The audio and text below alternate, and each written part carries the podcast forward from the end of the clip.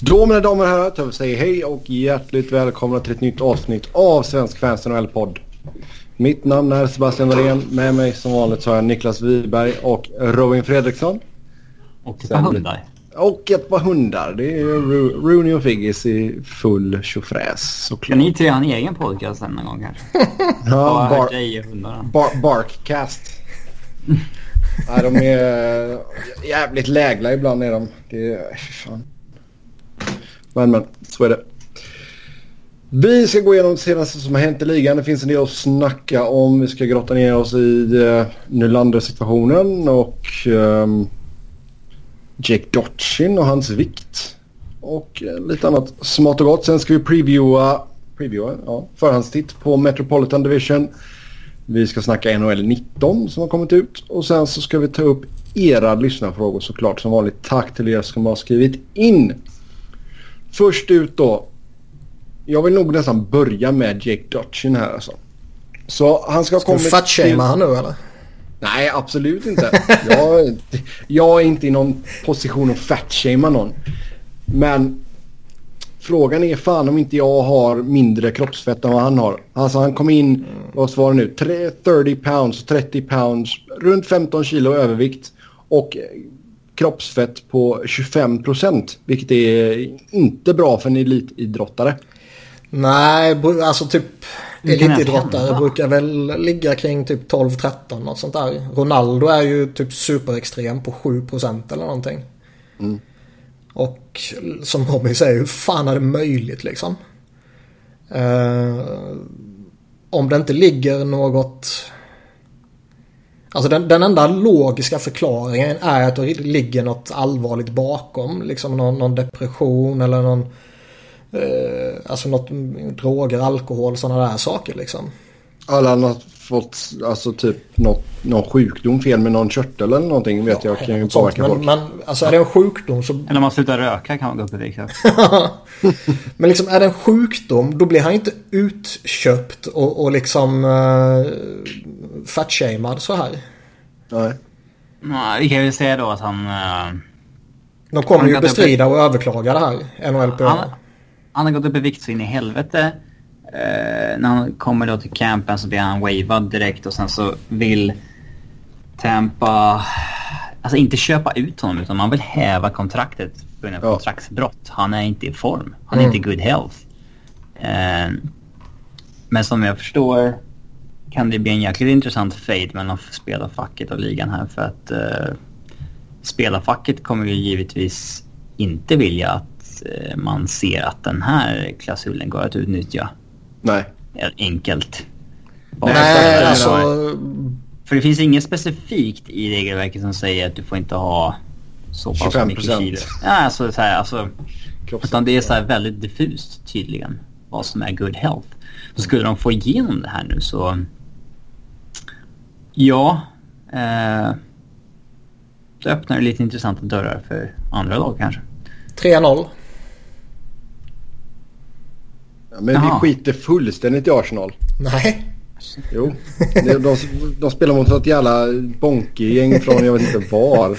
Nej, men, men alltså, det är klart att det, skulle det här gå igenom så kan man ju dra det till sin spets. Så fort det är en spelare som inte kommer in i supertoppform och man är lite ja, det där kontraktet gillar vi inte. Så puts väck. Mm. Om, om man ska eh, överdriva lite i resonemanget här nu. Men det är ju det man är skraj för. Som Robin är inne på. Och eh, det bo, alltså fan vet om det kommer gå igenom. Det känns inte så. Alltså det är ju ingen, det är ingen bra look för Tampa detta. Varför är man så angelägen att göra det? Han har en cap hit på typ 800 000. Man kan ju bara skicka ner honom med AHL. Ja. Eller är det bara liksom ett statement att så här beter man sig inte? Det är väl mycket möjligt. Jag vet inte, han var väl inte waiver exempt eller vad han är? Ja, han blev väl inte upplockad på waivers i alla fall. Och, ja. Mm. Men man kan väl be, liksom, vad säger man, begrava hela, i princip hela capiten i AHL. Det är ändå en lirare som jag tycker... Han såg ju inte superfantastisk ut sådär men det var ändå en solid spelare tycker jag. Och lirade ju mycket med Hedman och, och liksom... typisk Tampa, liksom bra Men, fynd sådär liksom. Fynd, ja. ja. Men det verkar ju, det sägs väl att det har varit något problem med honom förut också. Det kanske är en, typ, det här var droppen eller någonting. Mm, eh, konstig person eller något. Jo, Ja, så det är ju kan det vara. Men det är en jävligt det en- intressant eh, situation. Ja, intressant och konstigt som sagt. Vi, nu vet vi inte alla detaljer tyvärr och så kan det ju vara ibland. Men... Ehm, mm. Ja, Tampa Bay vill ju få det då till en material breach of contract. Eh, och som Niklas säger där, spelarfacket kommer ju fighta det här med näbbar och klor, absolut. Gjorde 48 framträdanden förra säsongen, 35 säsongen innan. In, och innan dess var han ju några säsonger i Syracuse. Så ja. Ja, alltså... Man kan alltså jag undrar om det blir... eh, Eftersom man alltid är skeptisk till allt som den här ligan gör. eh, Så undrar man ju lite om det kommer bli lite som när eh, LA dumpade Mike Richards. Att ligan kommer säga det här är inte okej. men vi kommer tillåta det den här gången. Men vi kommer inte tillåta det fler gånger. Ja, mycket möjligt. Vilket de ju sa att ja, ja det får vara för den här gången men eh, vi kommer förbjuda er från att göra det igen. Mm. Ja, Sen är det ju en intressant diskussion i, i sig också. Är det liksom... Ska det vara tillåtet att dumpa en spelare för att han kommer i så kass form som han bevisligen gjorde? alltså det här känns ju som ett extremfall. Alltså, För snubbarna är ju på min nivå liksom. Och jag är ju är- långt ifrån en... eh, Man såg ju några En bilder på. Big, på Big Buff när det var halvårslockouten där. Kommer du ihåg det? ja. mm, Han han var fan var... gigantisk. Men han har ju alltid sett ut så. Sen är han alltid grym ändå. Och det Jo. kan, alltså det, det, alltså Somliga har ju... Alltså skulle jag ha Robins diet så skulle jag ju vara en jävla fettklump liksom. Medan han är eh, tunn som en jävla pinne. Men Nyckeln är att inte träna. alltså, då... Ja men det är det. ja, jag tränar, jag tränar inte heller. Men, men Nej, men liksom då- eh, folk har ju olika anlag för att lägga på sig kilon liksom. Jo. Eh, och man, alltså all, alla, alla hockeyspelare är ju inte Cristiano Ronaldo-fitta. Eh, alltså Phil Kessel ser ju inte ut som att vara ligans, en av ligans bästa wingers liksom. Framförallt inte allt en av ligans mest hållbara wingers. Han inte Nej. Nej, och snabbaste typ liksom. Ja. ja, det är klart. Han ser ut som en... Ja, vad är det där humleeffekten va? Men det här är ändå att ta det liksom lite för långt. Ja, herregud. Nej, för Elliot Freeman var det som sa då att han 25% kroppsfett och Mackenzie sa att han var mellan 30 och 35 pounds eh, över hans matchvikt liksom. Det är ju ganska mycket när hans matchvikt ändå låg på 210 pounds vilket är 95 kilo. Mm. Så eh, visst, han är, må vara 1,91 lång men är han då uppe och snurrar på 110, 115 eller ja, 110, 112 pannor så är det ju en del. Och det påverkar ju självklart hur han skulle se ut på isen och allt sånt där. Så ja, man undrar ju vad det är som ligger bakom den här eh, viktuppgången. För jag tror inte bara att han har bara, äh, nu skiter jag i det här liksom. Jag kommer till camp som jag kommer liksom. Det måste ju- alltså grejen är att antingen är, jag ser ju utan att vara någon expert i frågan men eftersom jag alltid kommer säga vad jag tror så kommer jag säga vad jag tror. Och det känns som att det finns två alternativ. Antingen så ligger det någon sjukdom bakom, någon, någon sån där eh, konstig grej liksom. Eller så eh, har han fastnat i något träsk liksom. Ja. Men det känns som att Alltså är han sjuk så river man inte det. Nej, det måste ju bara vara bad behavior. Alltså man, alltså... De, fram, alltså de skulle ju framstå... Alltså i, med- i och med att kontraktet är värt så lite pengar. Och att de liksom, det finns ju ingen egentligen syfte för dem att göra det här. Om det inte är för att göra ett statement mot honom som person. Mm. Uh, så har de ju ingen anledning att liksom visa sig... Alltså, de, skulle det visa sig att han har några problem, Dodgin, så framstår ju Tampa otroligt uh, smutsiga här liksom. Ja. Uh, för det är inte så att han har något jobbigt kontrakt eller någonting för dem. Nej. Nej. Nej, det är helt sant. Ja, vi får förhoppningsvis kommer fram lite fler detaljer i den här storyn eftersom uh, vi behöver lite mer kött på benen här tycker jag. Det känns som att är det, som Robin var inne på, är det något smutsigt som ligger bakom som liksom skulle missgynna honom så ligger det ju i hans intresse att lägga ut det. Ja. Mm. Nej, det är helt sant. Helt sant. Vi får se vad som händer fötter helt enkelt. Eh, vidare går vi. Vi snackade om Wilhelm Nylander i förra avsnittet men vi ska grotta ner oss mer i den frågan här idag. Det har varit mycket skriverier hemma i Sverige om Nylander och hans kontraktssituation med Toronto. En del felaktigt, en del jättebra. Um, nu ska ju Börje Salming ringa honom och förklara ett och annat. ja, men det, vi får ju beta av den här igen helt enkelt i och med att det, den är så pass big a story som den är hemma i Sverige. Ja, framförallt vill folk att vi ska göra det så får vi göra det. Mm. We aim to please. Så i alla fall. Uh, Nylander är inte med på camp. Han är RFA så därför så får, får han inte vara med på camp. Han skulle kunna riskera det och vara med ändå men det är jättedumt. Alltså det är uh, så, från, alltså, från hans han, sida och Torontos sida? Ja, från båda. Alltså, uh, ingen av dem skulle ju bli så värst förtjust om han går och skadar sig. Nej. Och liksom kampen är ju... Visst det är ju inga våldsamma så men shit happens. Det är någon tackling här och där. Matt Martin i en träningsmatch köttar in Travis Sunheim liksom. Jo. Eller uh, Max Domi dunkar på Aaron Eckblad liksom. Mm, den kommer vi till sen. Så saker händer ju. Nu var det i och för sig träningsmatcher men saker kan ju hända på träningar också. Ibland blir det ja, bråk på det. träningar och tacklingar och det är någon jävla goon som försöker spela till sig en plats och flänger runt och tacklas och så råkar man träffa huvudet istället för axeln och så.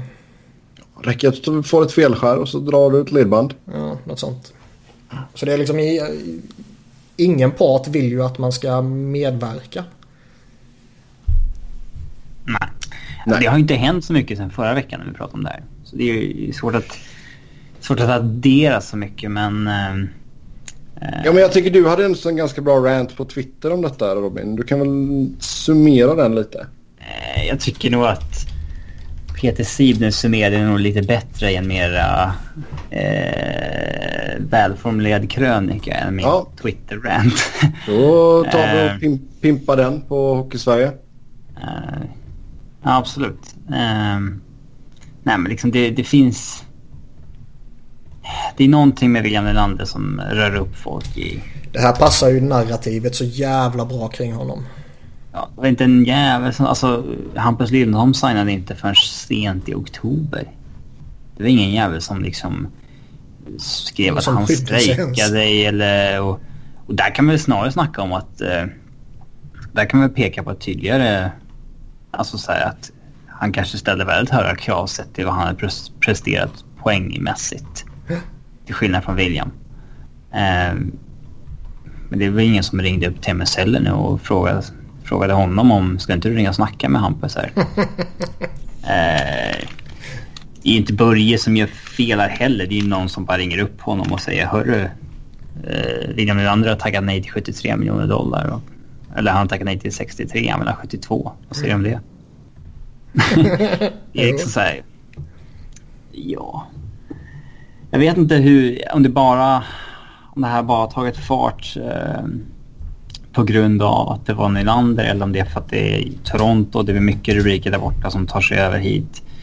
Men jag tycker inte att det rapporteras så eh, konstigt om det jag tror det är mycket, jag tror mycket har ju... bara vet i Toronto att det är mycket, han är ju bästa RFA'n som är på marknaden. Jo, jo. Det, det, det, blir ju alltid lite mer där borta när det är Toronto. Det, det är liksom oundvikligt. Jag tycker inte William får någon större skit av liksom Nej, än, liksom, här är det ju ändå så sa sakligt så att säga. Och... Alla vet hur det funkar. Ja. Det är ju dels lite som har varit problemet med rapporteringen hemma. Det är ju att det har varit lite sneda grejer som inte riktigt stämmer. Och jag menar... Det, det blir ju så det, också när folk som inte... När man sätter någon stackare på att göra en grej om någonting som man inte behärskar. Ja, det är klart.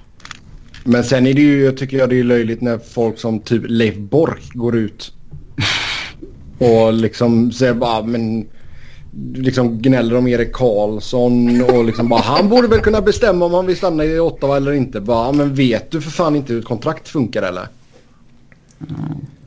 Och då är det så någon som har en extremt lång karriär inom hockeyn som är ute och svingar. Ja, lång karriär behöver inte vara något positivt mot slutet av karriären. Nej, han är väldigt märklig på Twitter, Borken. Men alltså, eh. för att gå tillbaka till Nylander så... Vi sa väl det förra veckan och som vi nämnde precis. Det passar ju narrativet kring honom och kring namnet Nylander. Jag upplever ju inte på något sätt som att det gnälls något utöver det vanliga i Toronto-kretsar och sådär liksom. Utan det är ju här hemma och det har ju ingenting att göra med att det är i Toronto utan det har att göra med att det är det efternamnet ju. Som vi sa om tidigare, eller tidigare eh, år när eh, som Robin nämnde när spelare till och med gått in på säsongen. Och vi hade liksom Jacob Truba som signade i november, december någonting för mm. vad blev det, två år sedan tror jag. Men vad är det, Men, vad, vad, är det folk har emot Nylander? Men du, han är ju... Han har inte kommit fram genom spelartypen och han är ju inte den klassiska svenska hårt arbetande brunkaren liksom. Utan han har vuxit upp med en räkmacka och på NHL-rinkarna och, och liksom inte kommit fram i Sverige och sådana där saker. Det ligger ju i, i grunden. Plus att han inte är den eh, den typiska svensken om man pratar spelartyp. I alla fall inte den stämpeln han har fått. Folk som mm. träffar honom säger att han är jävligt så här blyg och trevlig. Ja, liksom. Äh, det lilla men, jag har haft att göra med honom så absolut. Mm. Fick du ta honom i håret? Smekte honom så sött. Nej men liksom han har ju vuxit upp med ja, en ekonomiskt oberoende NHL-familj liksom och sådär. Han har inte vuxit upp i, i Övik, gått hockeygym och kämpat sig fram på det sättet liksom. Mm. Folk, folk, har ju alltid en... Eh, eh, tycker illa om folk som är födda med silversked i mun och det är han ju liksom. Eh. Sen är det ju, alltså man löser det här att ja men skillnaden på 10 miljoner borde inte vara så mycket. Han borde bara signa och vara glad liksom. Men det är ju inte så enkelt. Nej, men det är, så här, det är klart att han kan leva på 63 miljoner dollar om året. Det är väl ingen som säger något annat. Men han kan ju leva på 10 miljoner dollar om året också. Men hela, och visst nu, nu, nu kanske just det här är väl kanske inte det bästa exemplet när det är en miljon i capita som det står mellan. Om man ska tjäna 6,3 eller 7,3 liksom. Enkelt resonerat mm. bara. Utan den miljonen kanske är skitsamma men man har ju en skyldighet inom facket att ta en marknadsmässig lön. Annars kommer det ju gnällas. Ja. Jo, jo, men det är ju, och det är ju därför vi inte ser liksom, vissa grejer som jag sett i typ basketen. Liksom när vi säger att spelare X vill gå och lira med LeBron James till exempel. Ja, men då tar han ett svinbilligt ettårskontrakt. Vi har sett det i något enstaka fall till Chicago och några sådana här grejer. Men det är ju mer någon åldrande veteran jo, som vill ta sista veteran. chansen typ. Exakt. Och det, men då, det är inte riktigt man så... relativt liksom. Nej, men när det så är spelare som typ är i sin prime liksom. Som är trots det bara, ja men då går jag dit på ett ettårskontrakt. Mm. Som är liksom, ibland är det ganska mycket under deras riktiga marknadsvärde liksom. Mm. Så, och det är, alltså, spelarfacket där borta är ju inflytelserikt och betydelsefullt och viktigt liksom. Det är till och med så viktigt att eh, i synnerhet för toppspelarna liksom. Hur, hur, hur, stor del av ligan eller eh, av spelarfacket menar jag är egentligen berörda om det spelas OS eller inte.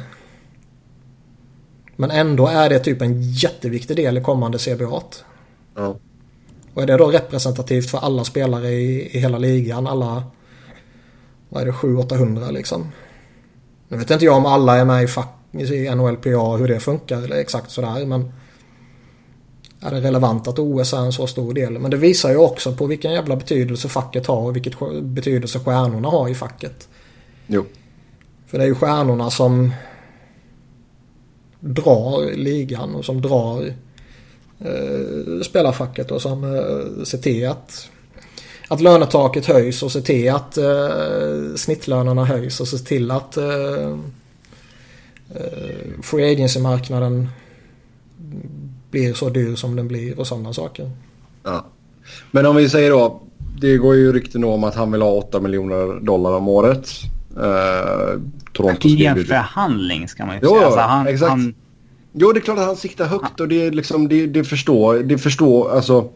Men, som vi sa förra veckan, skulle han säga vad han vill ha eller vad han skulle acceptera? Han skulle säkert kanske acceptera jag vet inte, 7 miljoner blankt. Man kan ju inte ja. gå in med det ingångsbudet då, för då får han ju aldrig 7 miljoner blankt. Exakt. Det är så det funkar i en förhandling. Det är inte så att han vägrar av sig skridskorna om han inte får 8 miljoner dollar per år.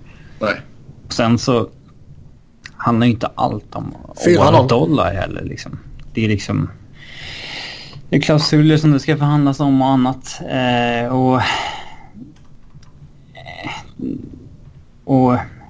Alltså Peter Sivnes sätter ju huvudet på spiken på allt det här i krönikan. Liksom, så det är enklare att läsa den kanske. Men, ja. Eh, mm. Nej, men in, då säger vi det. In och läs med. Det man kan ta vidare är ju eventuella jämförelser. Ja. Ja, och där är också svårt för man kan egentligen bara jämföra med kontrakt som är signade den här sommaren. Mm. På grund av att lönetaket har öknat, ökat. Och då får man i så fall titta på den procentuella delen man tar upp av lönetaket. Mm. Jag, jag tycker väl alltså... tänka på... Det är skillnad om en spelare signar ett år i förväg eller om man signar under RFA-sommaren. Mm. Man har hunnit, hunnit prestera ett år till. Det är inte sådana Ja, alltså det, det är väldigt svårt att hitta comparables på det sättet.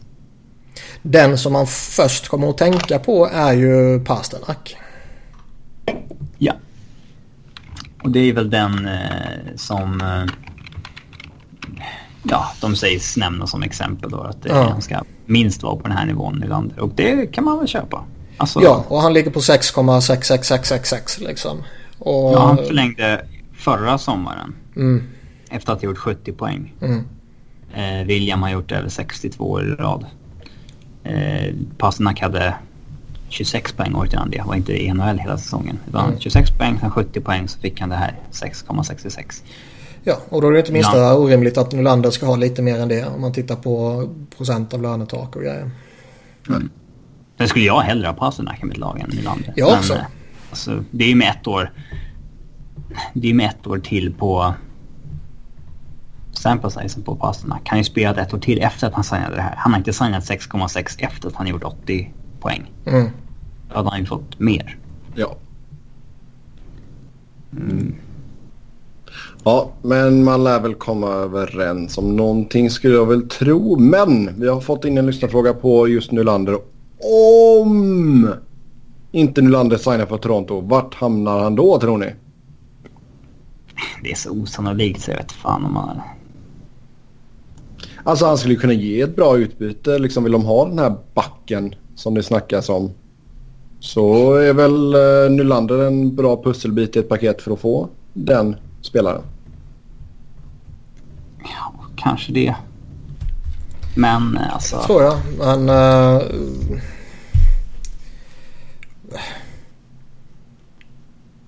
om det inte är så att förhandlingarna går helt åt helvete och man blir verkligen fiender och man vägrar skriva nytt med Toronto och sådana där saker så ser jag liksom inte riktigt meningen med att skeppa ut honom. Nej. Alltså visst, den där försvararen är enligt mitt sätt att se på det en, en jävligt viktig komponent. Men man hittar ju nyligen, eller nyliga, vad fan säger man, exempel på där det inte har behövts det här superförsvaret för att vinna. Jo, sant. Sen alltså ja, jag hade haft svårt för att ge upp den för då, då har jag en så pass spännande trio där med Nylander, Matthews och Marner.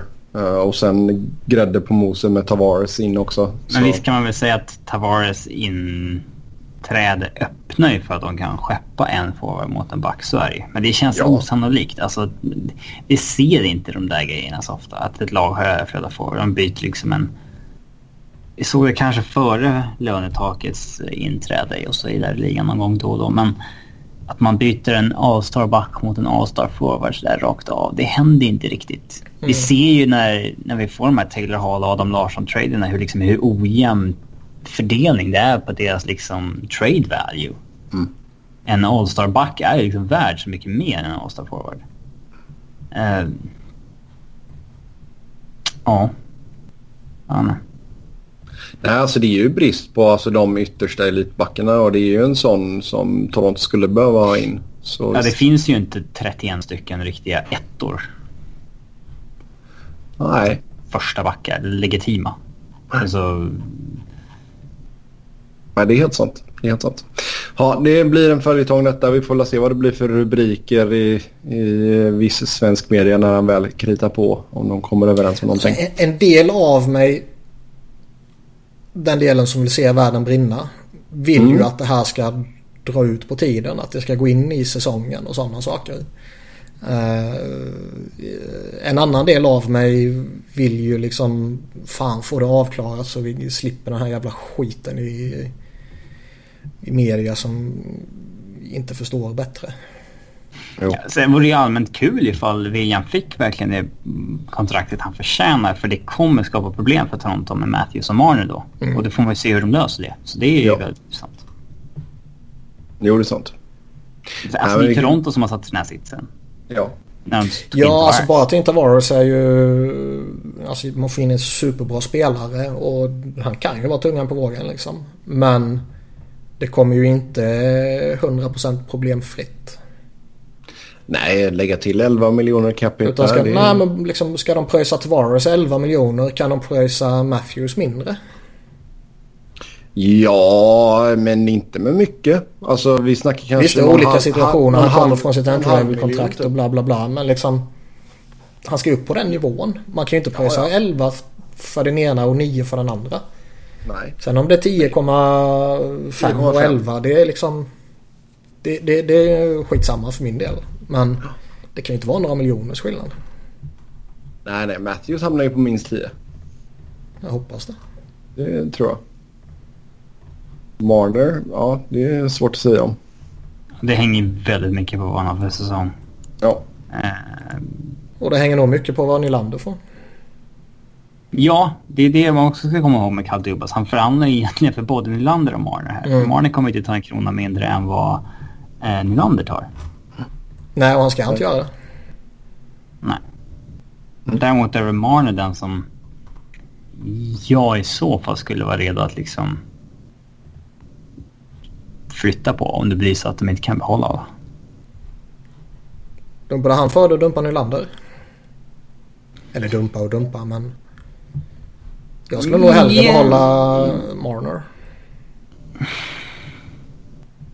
Ja, alltså det är ju... Sen är det väl en smaksak. Det är inte så att jag ser någon... Alltså... Du hade jätteskillnad. Varit, alltså, Ontario Media hade ju gått i taket om... de oh, ja. den blonda svensken för ja.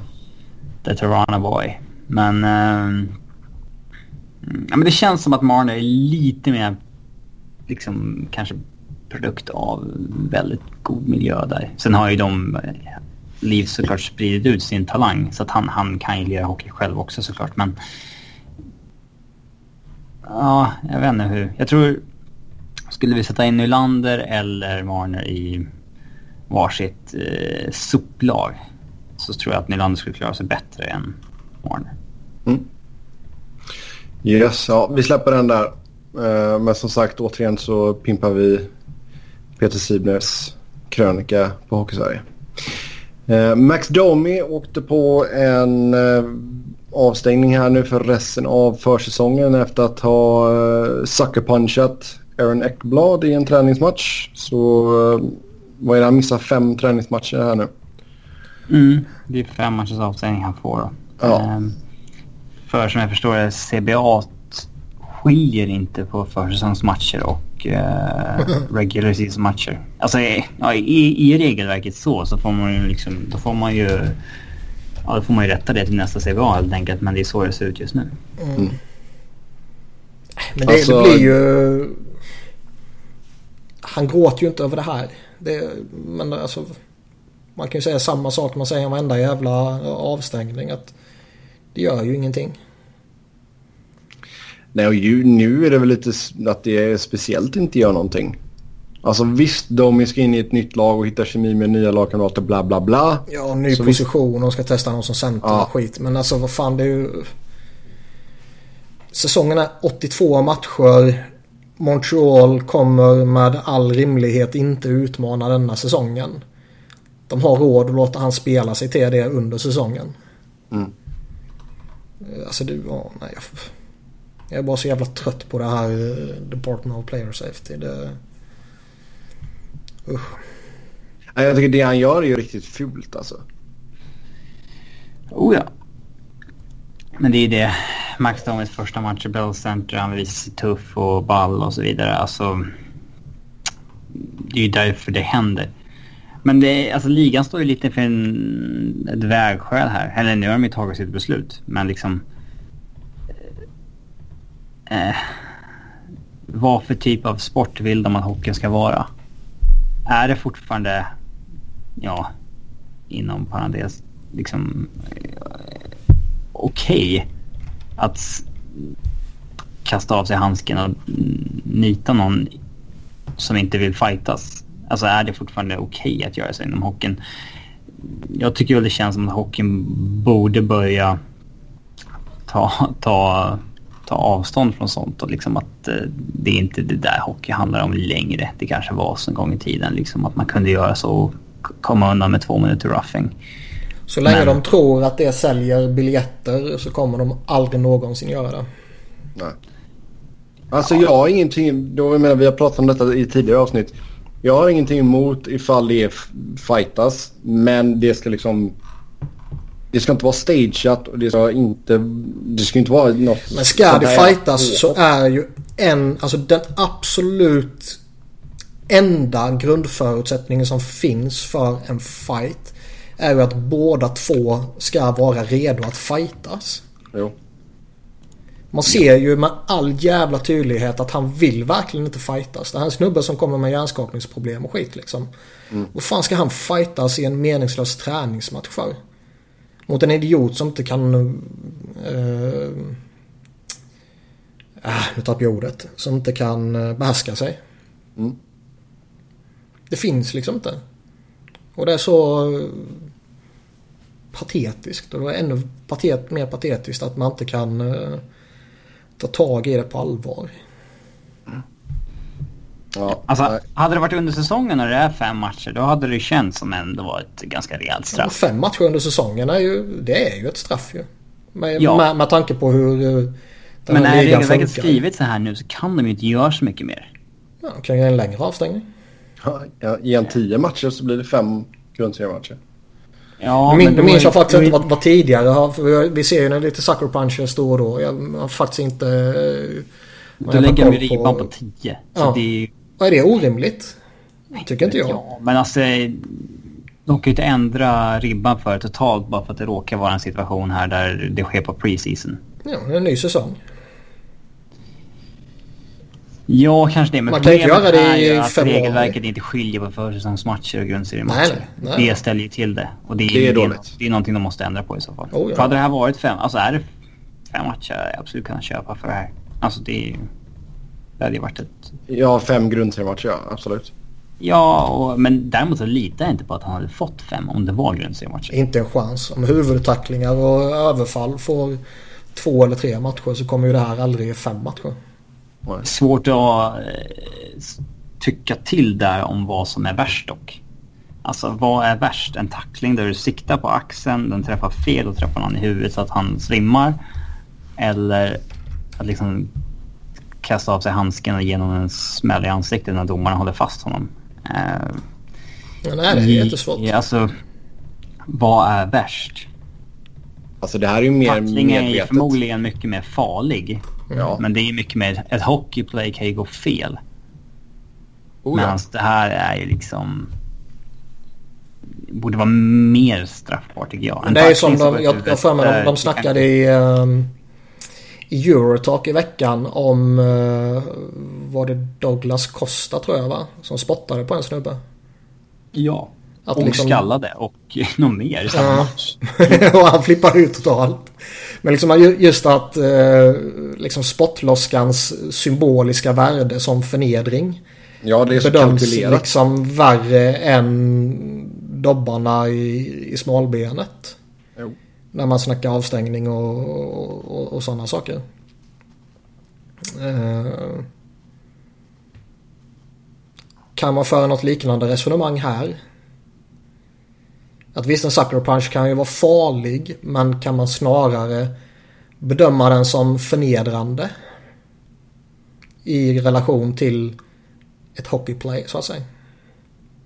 Ja. Jag säger inte att jag tycker så men värt att lyfta. Jo absolut. Ja. Om vi glider in på hockeyspelaren Max Domi och inte slagskämpen eh, så fick vi nyheten om att Montreal kommer lira Domi som center och eh, Jonathan Duran som winger. Ja, någon måste de väl sätta där.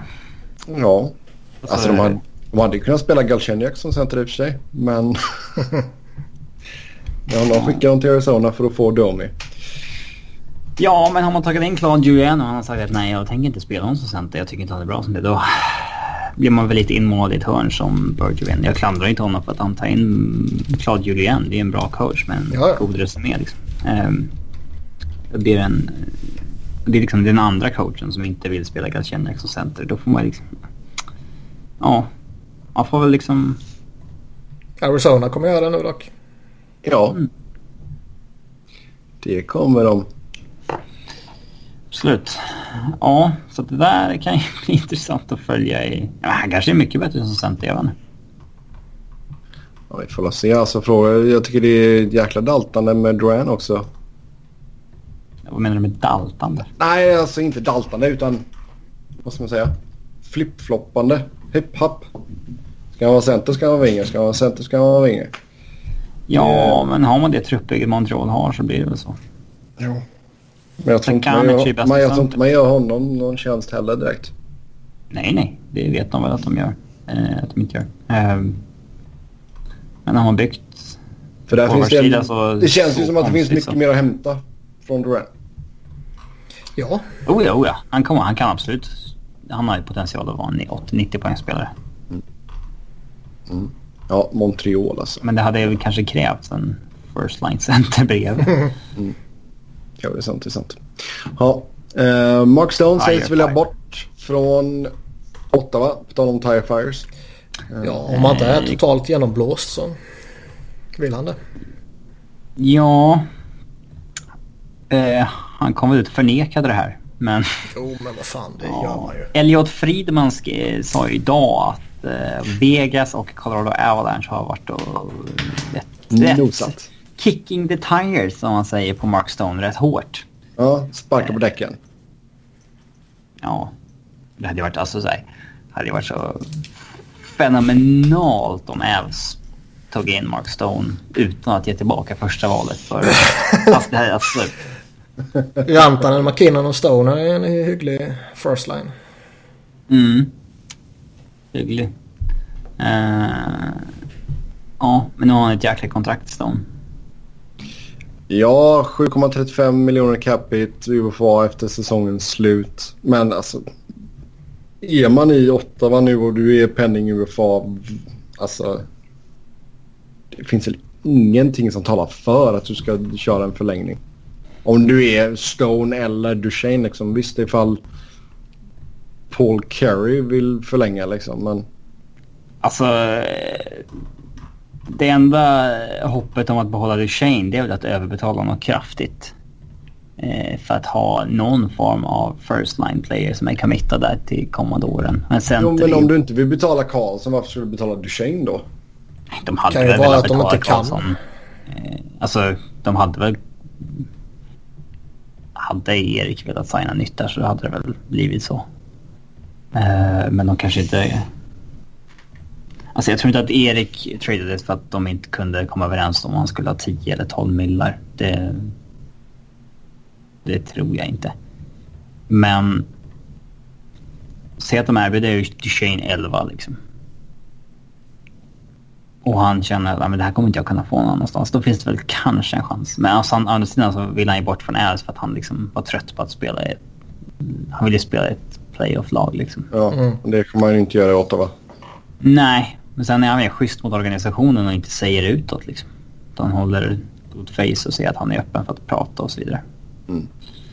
Men eh, ja, vi nämnde väl lite det förra veckan också att de har inte så mycket val här. Ottawa, de har inte kvar sitt första val.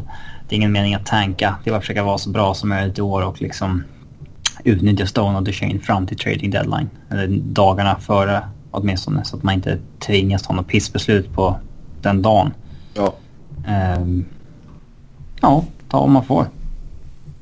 Mm. Ja, vi får se vad som händer där också. Så, så och gör en bättre trade än ja, ja, senaste gångerna.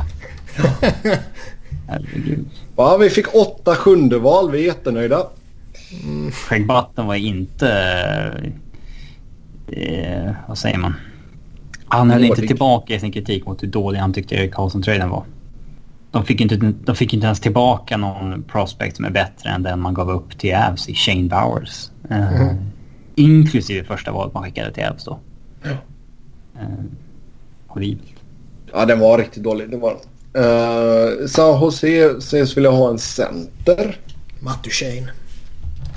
Mm, det hade varit någonting då. Mm. Ja, han, de har ju, jag tror de har knappt två miljoner i capspace.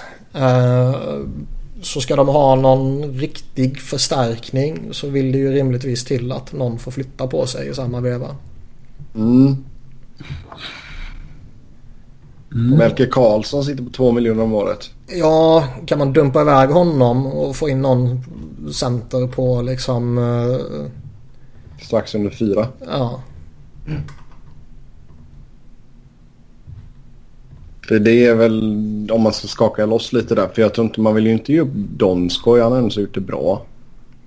Nej, han Det är svårt okay. att säga vilka centra som är på marknaden. Jo. Det är det ju. Eh, väldigt svårt. Ja. ja, men det är kanske man... Men, ja. Det är få lag som sitter på överflöd av bra centra. Ja, herregud. Men det är ju någonting som man... De kommer säkert uh, under säsong. Jag tror inte de hinner få klart någonting innan det sätter igång här. De kan få Jari Lehta. Ugh. Vi kan retaina en miljon så får de plats med honom. Ja. Nej tack. Och då säger du nej åt dem. Hur vet du hur de resonerar? De är nog smartare än att ta läktare. ja. Så pass mycket förtroende har jag för Sharks. Tyvärr tror jag du har rätt. Ja. Men absolut, man vill spetsa till det så mycket man kan här nu. Det är inte så jävla konstigt. Nej. Nej, alltså det, Sharks är ju ett jävligt intressant läge. Där... Eh, när de missade det här slutspelet för några år sedan så kändes det ju som att... Jaha, där var liksom det fönstret stängt. Mm. Och eh, de tappar Marlö och lite sådana där grejer. Och det kändes som att stommen börjar bli gammal och, och sen bara går de till final liksom. Och det känns som att de petar upp det där fönstret lite och nu har de ju sparkat upp skiten fullkomligt. Vi pratar om det för, vi pratar... situation dock om de ska behålla det här. Ja, ja, och långsiktigt är det ju alltså att de har bundit upp hela sin core förutom uh, Pavelski är det väl? Ja, men ja, men ja. nu, alltså det alltså, Pavelski och Thornton har kontrakt året ut. Ja, men alltså jag menar long, long term är det ju bara Pavelski. Uh, Thornton kan man ju exkludera eftersom han är 39. Så det är bara han av veterankåren som inte sitter på term. Mm. Och långsiktigt ser det ju inte så jävla vackert ut med Brent Burns 33 bast 8 miljoner i 74 år. Och Vlasic som är 31 år på 7 miljoner i, i lika många år. Evander Kane, det kan ju lika gärna vara en 15 månadsskytt. Ah. Alltså, eh, så att, om jag var Erik Karlsson så hade jag nog... Varför måste det vara liksom åtta år eller inget? Ja, men ta... Vill han ha åtta år, år så måste han ju vänta till efter uh, trade deadline också. Det var ju ja, någon regel där. Det kan, varför kan det inte vara liksom... Han är 28 bast, det är inte så jävla... Jag fattar inte varför spelare är så jävla kåta på term hela tiden. Mm. Lönetaket ökar också hela tiden. Så du, jag menar, Bäckström sitter fortfarande på kontrakt under 7 millar liksom. Mm. Uh, nej, alltså där... Ja men signa ett år till. Om det går bra. Två år till. Varför måste man liksom committa på åtta år direkt? Så skulle jag känna med Duchene. Han, han är ju så jävla trött på att förlora. Om han blir UFA i sommar så liksom, ja men ta ett ettårskontrakt hos ett bra lag. De som kan få in dig på sju mil eller någonting. Mm. Och sen ta det därifrån. Jo men det, säkerheten är ju, går nog inte att underskatta där alltså. Ja, och nu ska man inte dra ja, William Nylander argument här men liksom de, det är ju inte så att de, de är ju redan ekonomiskt oberoende. Jo, det är klart de är. Men uh, det är som sagt åtta år, det ger en jävla trygghet. Ja men är det någon jävla skillnad på sju eller åtta år? Det är ju skillnad på att skriva två år eller åtta år. Ja, ja. Men sju eller åtta är ju skitsamma. Jo, i det stora hela absolut. Mm. Uh, Pavelski är ändå så lite intressant. 34 fyller 35 nästa, tidigt nästa sommar. Mm. Där måste, ska man ha kvar honom så då gäller det att hålla ner termen så länge mycket man bara kan ju. Men har de slängt ut term på alla andra så kan de lika gärna göra det på han också. Mm. Hans kontrakt går ut, eller han fyller år... Smyggamla jäveln. Ja, nu är han väl inte smyggammal längre. Nej, nu är han bara gammal. nu har vi pratat om det så mycket. Men han fyller alltså år 11 juli. Så att kontrakten går väl ut sista juni va? Så att han kan signa innan det blir ett plus 35-kontrakt, eller? Hur funkar det? Är det 35 år? Det räcker med att han är 35 säsongen det kickar in, eller? Eh, hur fan var det nu? Det är när säsongen, när det nya kontraktet börjar ja. För Flyers gjorde ju bort sig där med Pronger ja. Ja, just det. De signade ju det i förtid när han, när han inte var 35. Och de hade tolkat det som att han är inte 35, alltså är det inte ett 35 plus-kontrakt. Men kontraktet kickade ju in eh, när han var 35 och då blev det det. Oh. Mm. Men i och med att han fyller år, ja. Däremot är jag lite osäker på exakt hur de räknar. Är det den faktiska födelsedagen? Är det när liksom den nya säsongen börjar? Om man har fyllt år eller inte fyllt år? Eller när kontraktet skrivs? Alltså, jag... alltså de får ingen lön nu liksom mm. i september. Så att det, kontraktet kanske kickar in först, första oktober eller någonting. Mm. Eller om det bara lönen som kickar in då. Ja, då behöver vi CBA-hjälp här igen. Ja. Ja, så här har vi dem i CBA-advokat. Um, ja. Tv-spel och uh, hockey verkar gå lite hand i hand. Vi ska prata om just ett NHL-tv-spel lite senare. Men det har varit snack här om att det spelas ohyggligt mycket tv-spel bland eh, framförallt de yngre spelarna och att vissa lag överväger att förbjuda det på bortaresor många av kidsen som lirar Fortnite. Något som Michael Del Soro inte uppskattar. Ja, det är okej okay att... Tillhör Del Sotto den äldre generationen? Ja, han gör det. Men det är okej okay att staka porrstjärnor men för fan ta det om du börjar spela dataspel. Liksom. Ja, alltså det kan ju bara vara att han suger på Fortnite också i och för sig. Nej, men alltså... Det...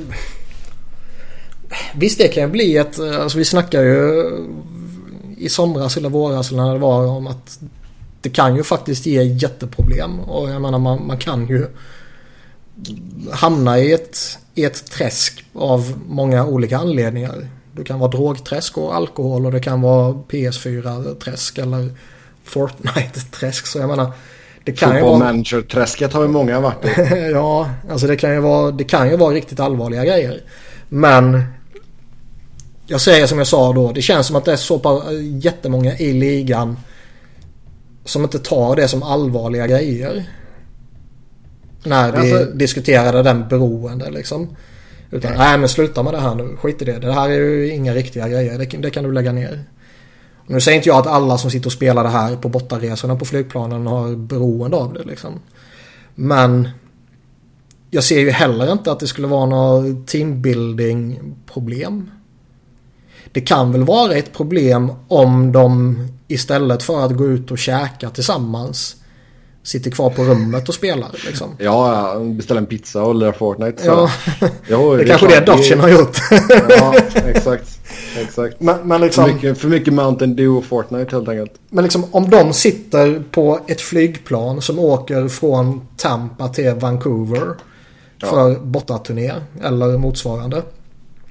Eh, vad är skillnaden på att sitta och spela Fortnite eller sitta och spela kort eller sitta och läsa en bok eller sitta och snacka skit eller whatever liksom. Nej, alltså det, det är väl mest det att det... Och det är ju det som är grejen också. Det, det hela dras ju till sin spets och förstoras upp. Och jag vet um, Corey Hirsch var ute och tweetade om detta. Att ja, om de sitter uppe till fyra på morgonen och spelar tv-spel, det är inte bra. Det är påka sömn och allt sånt där. Och det, men det spelar ingen roll ifall det är, om de sitter och lirar Fortnite eller om de är ute och krökar eller om de är liksom vad fan som helst. vågar, se, vågar, vågar jag säga. Jo, det är klart att det kanske är. Uh, men jag menar liksom... Om de, som Niklas säger, om de sitter och spelar tv-spel på planet, vad fan gör det? Nej, jag fattar inte. Jag fattar inte hur man ser det som ett problem.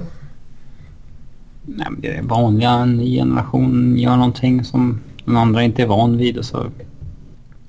Nej, det är men var, det, var, det samma, var det samma snack när liksom alla började ha mobiltelefoner? Bara, nu får du inte vara på telefonen. Vet du. Nej, nej, nej. Det är inget bra. Ja, det var det väl. Det, ja. Nej, jag tycker det är skitlöjligt. Sen visst, det är klart att det kan bli ett problem. Men det, det finns så många grejer som kan bli ett problem.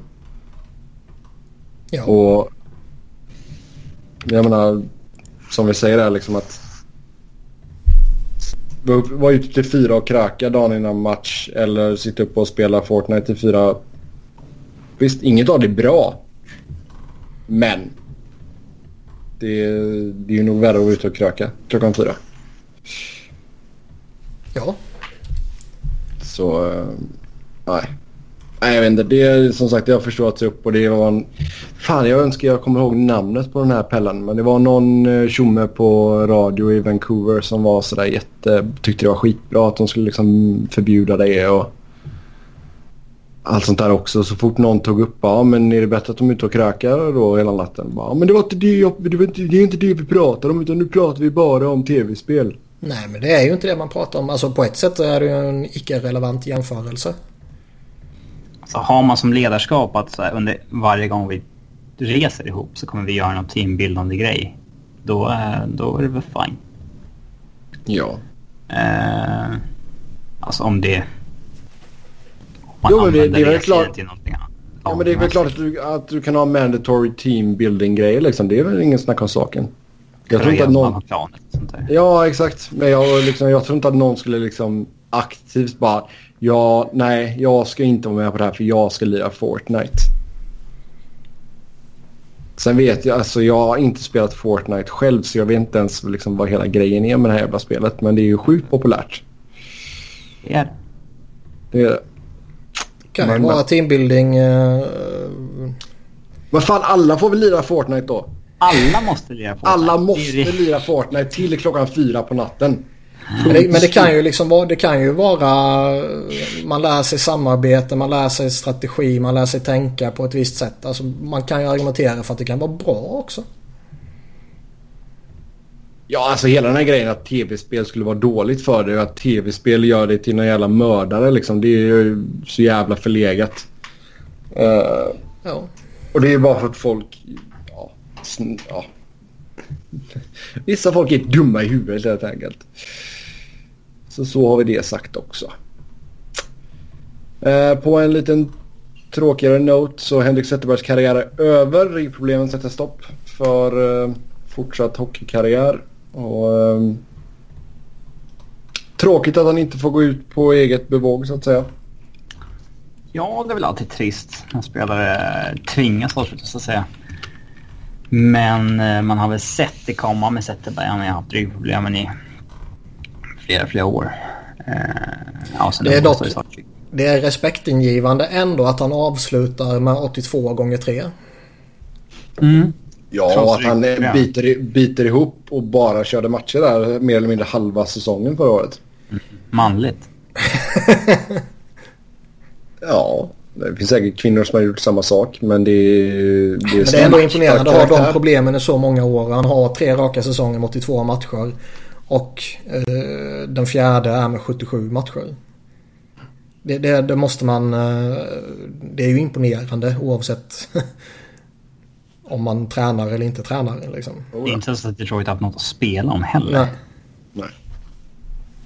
Nej, det är sant. Vi fick in en lyssnarfråga här. Tror ni att Detroit kommer pensionera Zetterbergs tröjnummer? Den har man funderat på. Den är klurig. Den är där på håret. Eller? Ja, jag tror nog att man gör det. kanske kommer ta ett tag men... Eller? Jag tror nog att han kommer få upp tröjan i taket. Uppfyller han alla Niklas krav här i frågan? Nej. Han har ju vunnit. Ja, nej, Zäta är väl en sån där... Uh, ja, det kanske inte är orimligt. Men alltså, du, man, du tänker man ju här att... Uh, uh, alltså Detroits krav är ju högre. Jo. Än andra lags. Uh, det finns inte så många tröjor i det taket sett till deras otroligt långa historia. Det är sju va? Nio. Jag vet att det står Konstantino och skit på Elite Prospects men han hänger ju inte där. Nej men han kanske är retirad ändå. Ja, ja. Men i taket hänger det sju. Ja, det är möjligt. Jag har inte äh, koll på deras tak. Yserman, Sanchak, Delvecchio, Lidström, Ted Lindsay, Abel och Gordie Howe. Eh, det är egentligen... Helt okej okay skara spelare. Det är egentligen bara Lidström och Iceman som är liksom från 70-talet till nu liksom. Men det känns ju lite som att ska de slänga upp Z. Då måste typ Datsuk upp. Då måste ju typ han upp. Och då måste ju Fedorov definitivt upp. Mm. Ah. Det vet fan. Han var ju bättre än vad Z var. Ja. Men... Sen visst, sen äh, längre tid och bla bla bla. Och man kan plocka in kapten och ledare och bla bla bla. Men om man bara tittar på faktisk kompetens. Ja, ja. Men det är klart att det är... Alltså för att få sin tröja hissad så... Alltså det hjälper ju att du har spelat alla matcher i samma klubb. Jo, givetvis. Det fattar jag också. Så det ligger ju Fedorov i fatet att han gjorde några golden years i Columbus. ja. Han, har väl gått om Fedorov på eh, en del interna listor också? Mm. Ska vi kolla, vart, vart ligger han i eh, Detroits interna poängliga egentligen?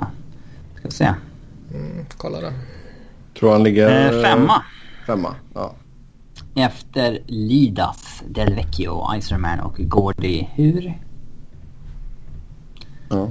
Uh, femma i goals. Där ligger han på goals efter Fedorov. Ah, femma i assist också. Vad ligger han i matcher? Ja, det är en bit ner. Uh, ska vi se. Nej, sexa. Ja, jo men upp, i, upp med den i taket. Upp med den i taket. Upp med den i taket. Alltså. Ja, kör, kör bara. Con Smiten hjälper till. Hall of Fame då? Där är han också på håret. Men jag tror att det kommer Han kommer att vara solklar där. Kanske inte solklar. första året men uh, där kommer han ju definitivt komma in. Han har kanske inte varit solklar utan Consmiten och kuppen. Men uh, jag tror att det blir... Nej men vad är det? Han har uh, lite framgångar med uh, Triple Gold Club och så vidare. Lite OS och grejer. Triple Gold Club hjälper ju till. Nej, han kommer ju in. Sen kanske inte kommer in första året. Och han kommer då inte in i förtid. Nej. Nej. Nej, helt sant. Ja, men i alla fall. Vi, eh, vi får tacka för allt Z gjorde, helt enkelt. Eh, sen det var aldrig aktuellt för Nashville att köpa ut eh, Austin Watson. He's part of the family.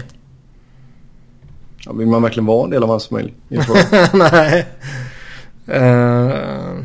Med tanke på det svin svineriet han gjorde. Han sa ju någonting, vad fan var det han sa? Uh, Dave Poyle. Jag ska se om jag kan hitta det.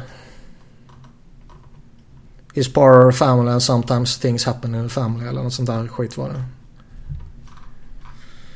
Mm. Även, om, även om saker händer i en familj så är det aldrig okej okay med domestic violence. Nej, lite så. Kan, kan jag tycka, men... Uh... Tycker det är fortfarande jäkligt svårt. Vad, vad ska det innebära för hans jobb? Liksom? Ska det innebära att han aldrig mer får spela hockey på public nivå? Eller ska det innebära att han får sparken på sitt nuvarande jobb bara men det är helt okej okay för något annat lag att signa honom? Liksom, vad ska det innebära? Uh... Paul says this is family. Things happen with family that aren't perfect.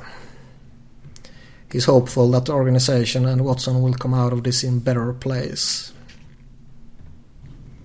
Alltså... Visst, man, jag fattar väl vad du menar och man behöver ju inte ödelägga hans liv och hans karriär. Men man kan ju ta tydligt avstånd från det. Mm. Ja, men det, det har man ju... inte gjort. Vad? Vad gjorde han med Ribeiro? Det var väl, han backade lite där också va? Jag minns inte. Nej, jag kommer inte ihåg heller.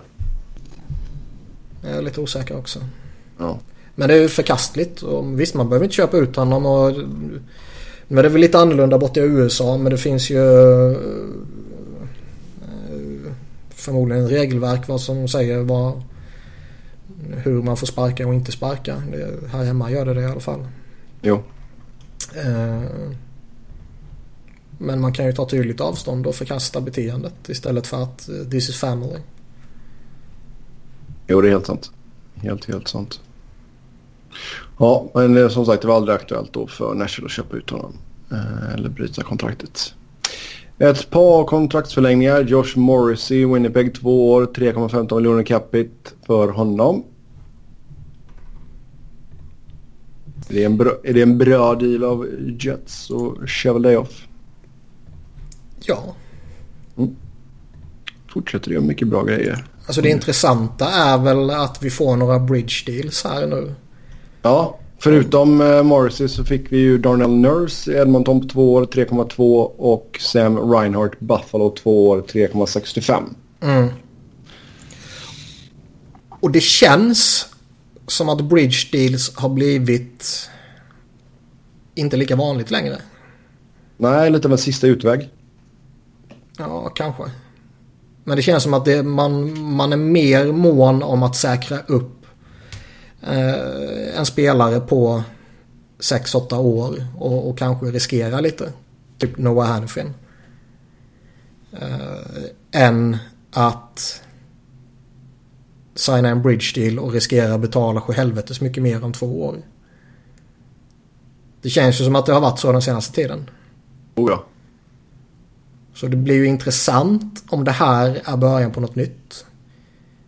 Sen ska man kanske inte överskatta betydelsen som Winnipeg, Edmonton och Buffalo har på ligan. Eh, den kan ju vara obefintlig liksom. Men det är ändå... Eh, ja, tänk om bridge deals blir på tapeten igen. Mm. Annars alltså, om man tittar på kontrakten i sig så ja, för bridge deals så är det väl fair liksom. Ja. Nej men det är alltså jag är ingenting emot bridge deals. Alltså, så jag kan förstå ifall du kör åtta år direkt med liksom vissa spelare som tillhör Alltså är det superstars så vill man inte signa det. Då vill man signa dem billigt och det, så snabbt som möjligt. Och det köper jag. Uh, Sen, sen, kan man alltså titta på de här tre lagen, Winnipeg, Edmonton, Buffalo. Man kan ju titta på från spelarnas håll och, och konstatera att är det 100% säkert att man vill committa long term? Winnipeg har ju rimligtvis något jävligt spännande på gång men stan ska ju vara hemsk. Mm. Vem vet vad Edmonton och Buffalo tar vägen? Ja, det är väl inga drömstäder heller. Nej, dels det men, men liksom sportsligt så har de ju, det känns som att de har varit på gång nu i en evighet och ingenting händer. Jo.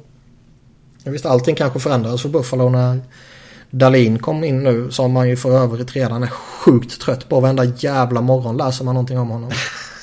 En sketen träningsmatch mot usla rookies. Det kommer att bli olidligt de närmsta åren. Ja. Men det kanske finns en anledning till att just de här tre valde bridge deals också. Mm. Ja, det är helt sant. Men eh, nej, jag har ingenting emot det. Absolut inte. Eh, sen en del av Erik Karlsson-traden här var det en condition som någon... Vem var det som tweetade ut detta? Jag kommer inte ihåg vem det var, men det var en del som gjorde det i alla fall. Um, if he appears on the reserve list of any Eastern Conference team this season så måste San Jose skicka ett till första rundsval till Ottawa senast 2022. Call that the Mike Hoffman clause. han lär sig av sina misstag i alla fall. Att han står på uh, rosten. Mm. Men vad spelar det Ottawa för roll? Ja, de vill ju inte möta honom. I år? Ja. Ja, vad gör det då? Men, nej, men de resonerar ju så med Hoffman att vi, vi vill inte ha honom i Eastern Conference. Vi vill inte spela mot honom fem eller sex gånger per år. Uh, därför skickar vi han västerut. Och sen blir de uh, tokblåsta. Ja. Och så pratar de med samma GM igen. Och för att han inte ska blåsa dem igen så, uh, så lägger de in den klausulen. De blir rånade på hela jävla traden i sig. Men de fick med den klausulen i alla fall. Ja. Och liksom det, vi, vi, vi, pratade om det när, när det var Hoffman-traden liksom. Jag kan tycka det är relevant resonerat att vi vill inte trada honom inom divisionen eller konferensen om det liksom är Ottawa, Toronto, Philadelphia, Pittsburgh, Montreal, Toronto. Alltså, och det är verkligen en super, superstar. Men... Ja, som du skickar för att du inte kan betala och du får ja. tillbaka till draftval. Alltså ja. Visst. Men alltså Ottawa... Men liksom Ottawa, Florida som det var med Hoffman där. Det är skitsamma om han spelar i, Hoff, eller i Florida. Ja, Ottawa kommer inte vara competitive ändå. Men det kan de inte erkänna utåt såklart. Men... De är ett lag. Ja, vad skoj det var. Det är fan det roligaste jag sett på länge. Han måste tänka efter i tre sekunder och sen begära ett lag. ja. ja, herregud alltså. Och han för, er ser, för er som inte har sett det så fick ju Dorian frågan då om liksom, vad kan en åtta supporter se fram emot den här säsongen? Och så bara, be ett lag. Efter, som du säger, tre väldigt långa sekunder av tystnad. Ja, och hans, hans ansiktsuttryck är liksom så... Uh, uh, ja, vad fan ska jag svara här liksom? ja. ja. Det är sånt. Nej, det, är, det är sådana grejer som man kan uppskatta.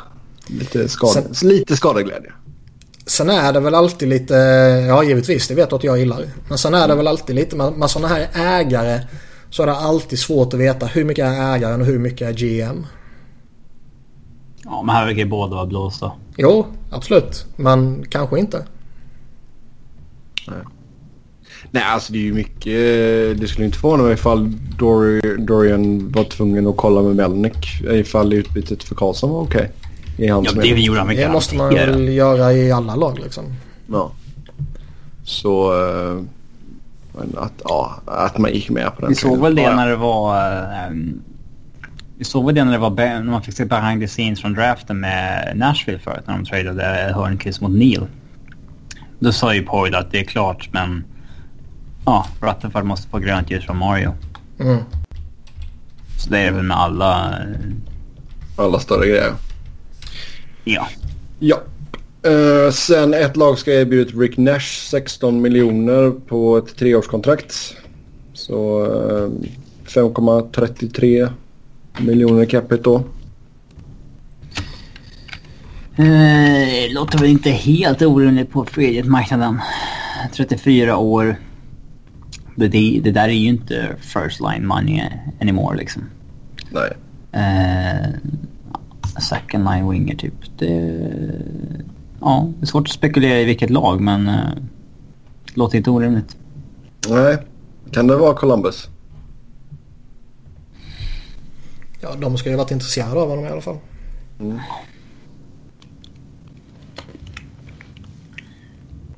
Någonting, alltså, för det, menar, vi pratade ju lite om det förra avsnittet men den sitsen de är i med Panarin och Bobrovski det är klart man skulle nog få lite goodwill där om man kan ta tillbaka Rick Nash. Ja, men vadå ytterligare en sån spelare på ett sånt kontrakt? Räcker inte redan med att de har Dubinski på 3 år på 5,8, Fallini på 3 år på 5,5? Alltså det...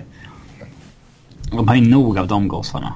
Mm. Det där har ju alltid varit en grej i Columbus. Så här, halvdana spelare som tjänar 5 mille på typ 4, 5, 6 år.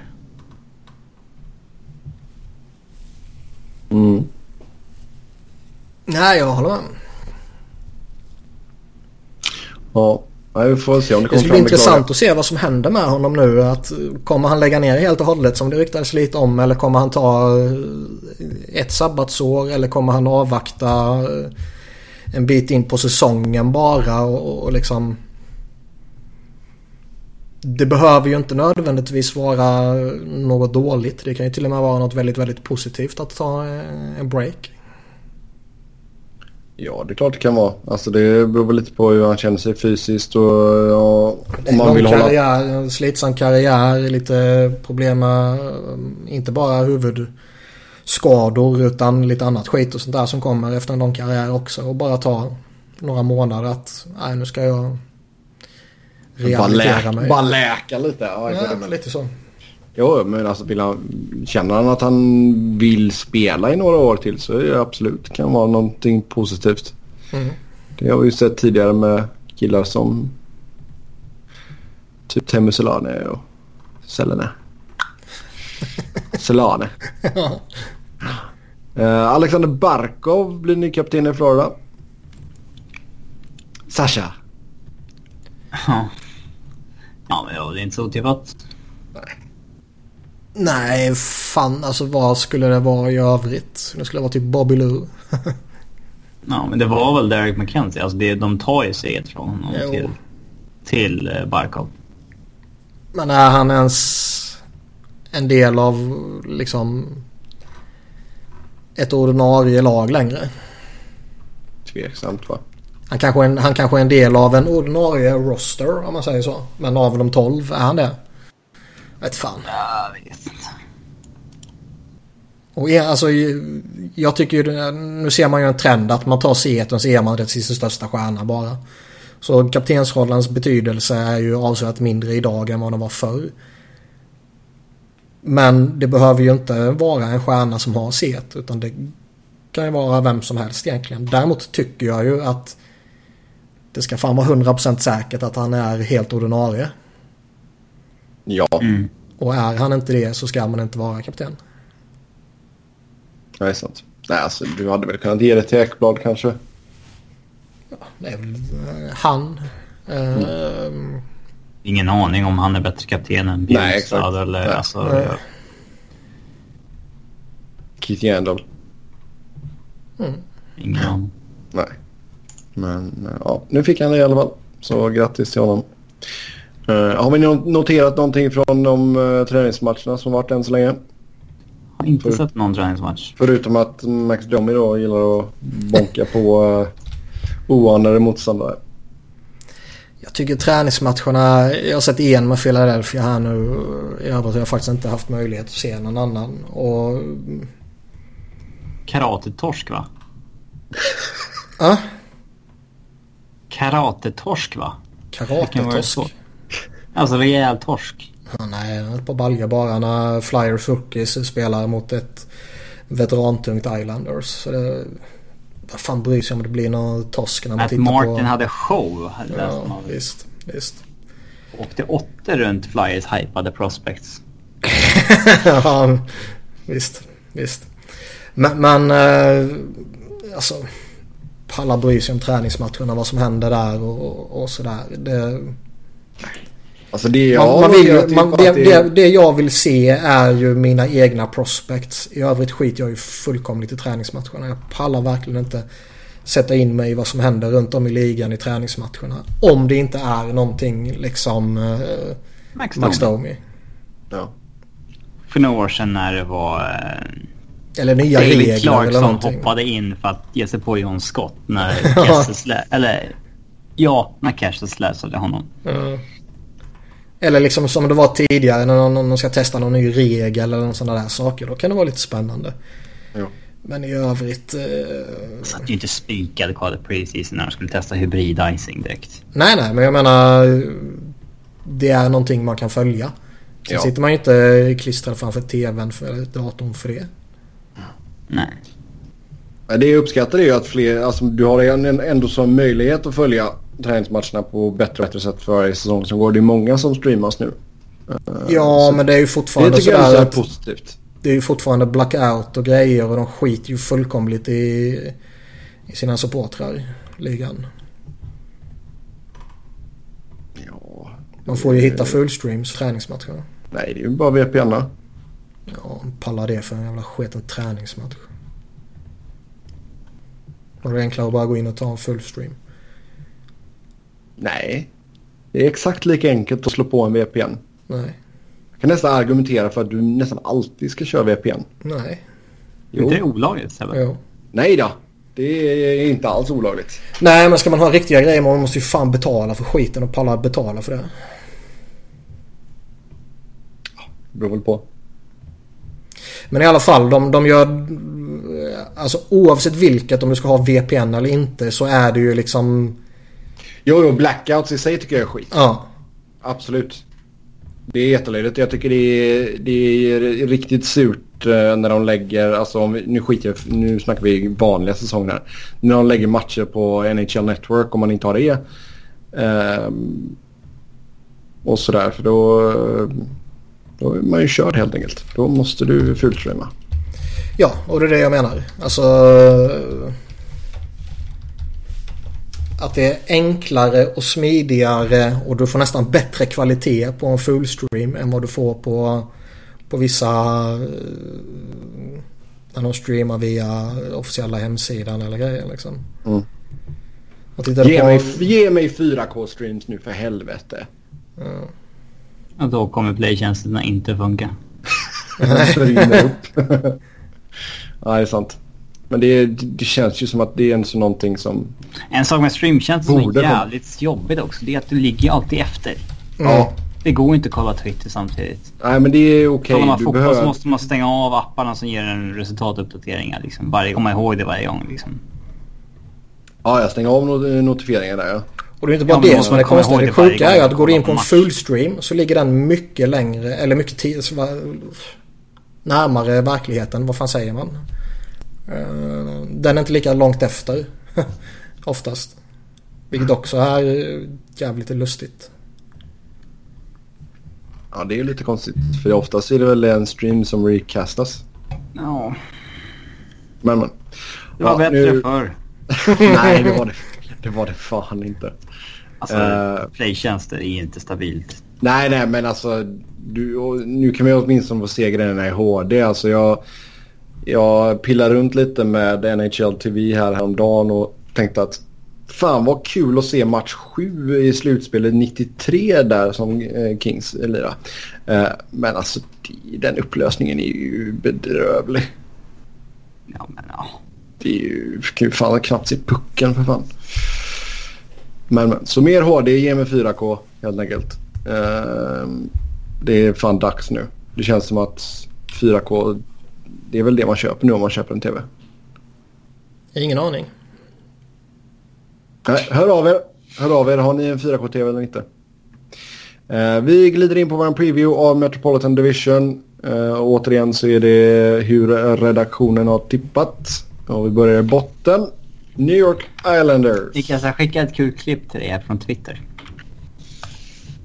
Var? Nej, jag skickade på Twitter.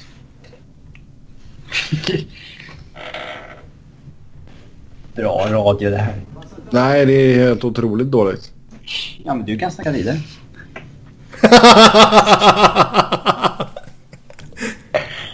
Ja. Alltså det är alltså en spelare, en fotbollsspelare som gör mål ska springa ut till klacken. Han hoppar över en reklamskylt, så när han ska hoppa över nästa, så då är det en jävla vallgrav där. Så han försvinner bara rätt ner. Mm. Och lagkamraterna står liksom och hukar sig över kanten och kollar ner och letar efter honom. Typ. Ja. ja Jag retweetade nu så kan ni gå in och titta i efterhand i alla fall. Ja. Hur långt var det liksom? Leder han? Mm. Ska vi prata om New York Islanders då? Uh, ja, okej okay, ja. Ja, jag ska bara titta klart. Snopet för fansen också. Ja, vad sa du? Ska vi snacka Tavares? Ja, han är ju inte kvar. Han är som sagt inte kvar längre i New York Islanders. Så hur ska man klara sig då utan honom? Tippade sist. Så det är ju som vi har sagt tidigare. Det finns ju intressanta pusselbitar i Islanders. Uh, Matt Barzal är ju en lirare man gärna bygger nytt omkring. Uh, jo men är han nästa offer här nu då? Kommer han bli den nya Tavares? Uh, det vet vi väl om sju år. Men liksom Anthony Beauvillier är ju också en, en lovande lirare som uh, förmodligen kommer bli något väldigt bra. Nu kanske Ho Sang är körd åt helvete när Uncle Lou kom in, vem vet. Men han har också någon form av talang liksom. Jag tycker de hade en riktigt bra draft här nu i, i somras där de har köttat på med eh, två bra backar och en bra winger. De har Kiefer Bellows sen tidigare. Alltså, det finns ju bra grejer att bygga nytt på. Sen är det ju många lag som har haft bra grejer att bygga nytt på tidigare som har misslyckats. Och jag är långt ifrån övertygad om att Lula Morello är den jag vill ska bygga nytt med mitt lag. Mm. Och det är ju bara att titta på, på vad man har gjort, vilka spelare man har plockat in, vilka kontrakt man har signat. Alltså, man är ju inte såld på det Uncle Lou håller på med alltså. Uh, de har ju skö riktigt sköna PTOs också i 37 år. Dennis Seidenberg, Lucas Bisa, Steven Giota. Jo men det har vi pratat om tusen gånger. Det behöver inte vara något negativt. Det negativa ja. blir ju om man signar dem. jo men det, det skulle inte förvåna mig för man gör det. Nej men ha en sån som sjunde back. Det är ja, liksom... Vi tar dem när de signar i så fall. Ja, fair enough. Men mm. liksom att ta in dem på PTOs det, det ser jag väldigt få negativa saker med. Om ens någon negativ sak med. Mm. Vad säger du om det... Matt Martin, Leo Komarov och hela den bunten liksom? Äh, det är ju... Sikas och Klatterback. De har ju sin fjärde ja, kedja som de sitter och runkar till. Jag kollade när jag kollade på eh, du vet liksom the best fourth line in hockey history. History också? Ja, ja, man... Undrar vilken som är the best fourth line? Ja, inte är det den i alla fall. Nej, nej.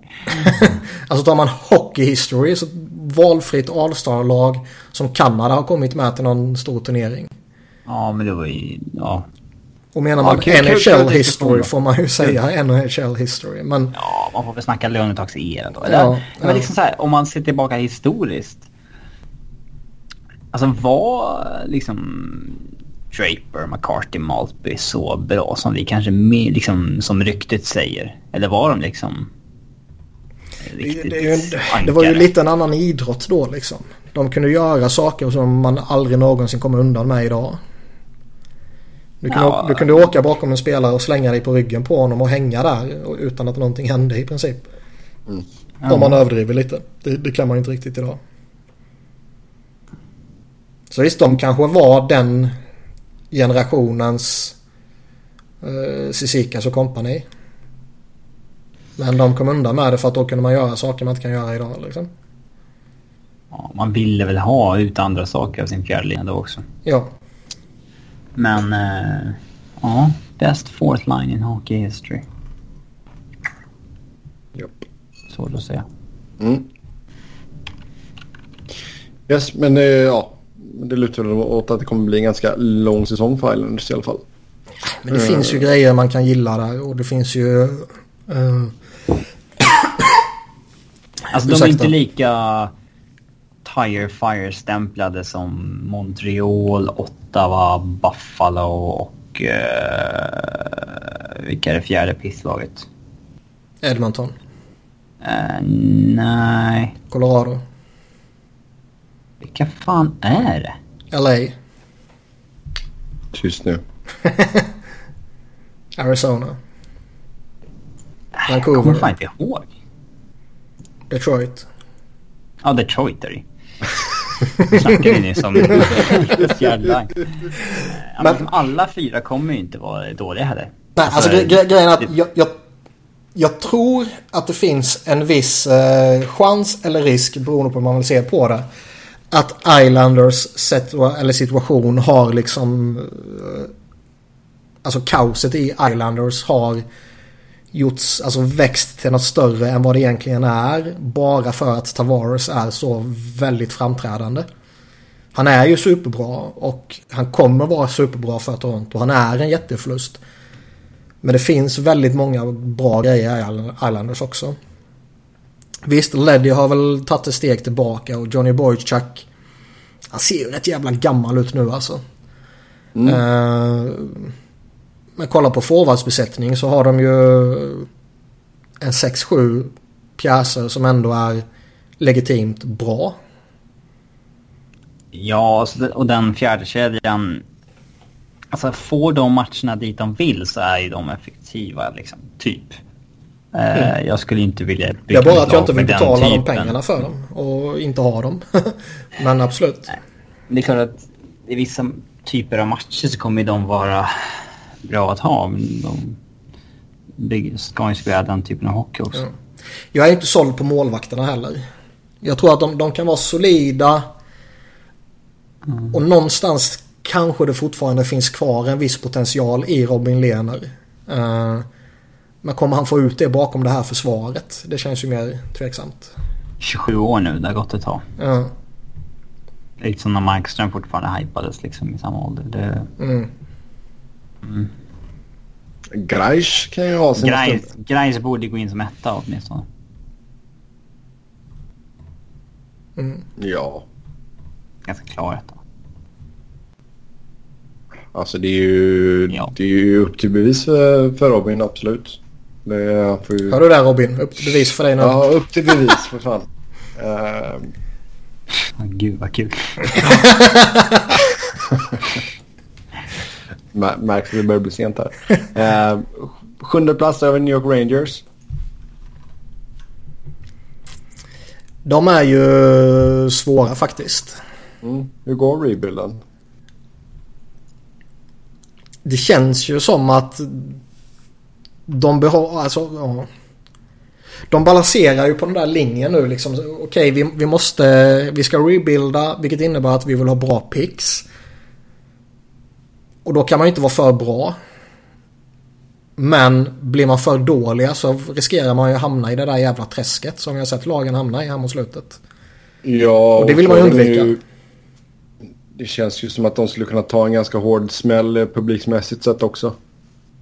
Nej, jag vet fan. Tror du inte det? Nej. Om de skulle trada bort liksom allt som egentligen är någonting att.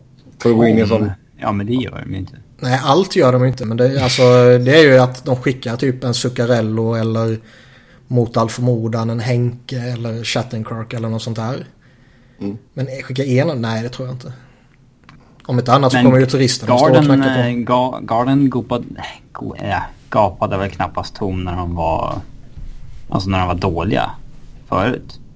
Alltså jag snackar 98 till 04 när de inte gick till slutspel. Det kommer jag inte ihåg. Nej, det kommer inte jag heller ihåg. Men hade man inte fortfarande ganska stora namn då? Ja... Jag orkar se, säsongen 99-00. Nej du. Mike Richter var kvar. Kevin Hatcher. Brian Leach hade de ju kvar i och för sig. Uh, Matthew Snyder. Alexander Daigle. Theo Fleury, Adam Graves, Valery Kamensky, Mike Knobel, Peter Nedved, Kevin Stevens. Det var ju några stycken ändå. Ja. Ingen av oss som fyller garden så länge de är dåliga. Nej. Peter Nedved var deras offensiva centerstjärna. Liksom. Mm. Nej, ja, jag, jag minns faktiskt att det är ju fan en evighet. Jag minns inte hur det såg ut för två år sedan fan. Turister kommer ju alltid lockas till garden, absolut. Ja, lite så. Men det är svår, svårt att veta var Rangers står. Alltså det räcker ju med att Henke har en, en riktigt bra säsong. Så kan det ju fan nästan vara ett bubble team liksom. Mm. Eller så, så, ser han lika dålig ut som han gjorde i, i, i träningsmatchen här. Så kan de ju vara toksist i ligan liksom. Inte för att jag tror det, men what if? Ja. Ja, jag vet inte, alltså, sen är det mycket hur de här yngre spelarna hur de kommer in. Alltså, jag vet inte hur, vilka man vill slussa in här nu heller. Nej, men se att Leas Andersson och Philip Schüttil som väl är de två som borde vara de som tar en plats liksom. Säg att de bara breakar och det extremaste. Så vem vet vad som händer då. Ja. Säg att ingenting händer hos dem samtidigt som Zuccarello har det lite tyngre, Henke har det lite tyngre, Chattenkirk kommer inte loss och så vidare. Ja, då står man ju där. Så det, jag tycker Rangers är jävligt svåra. Jo. Imponerade dock av dem, som jag sagt tidigare, att de faktiskt verkar gå in helhjärtat i en riktig rebuild. Ska man då ta det ytterligare ett steg så är det ju att dumpa iväg Henke. För man kan ju resonera på att han kommer förstöra deras rebuild.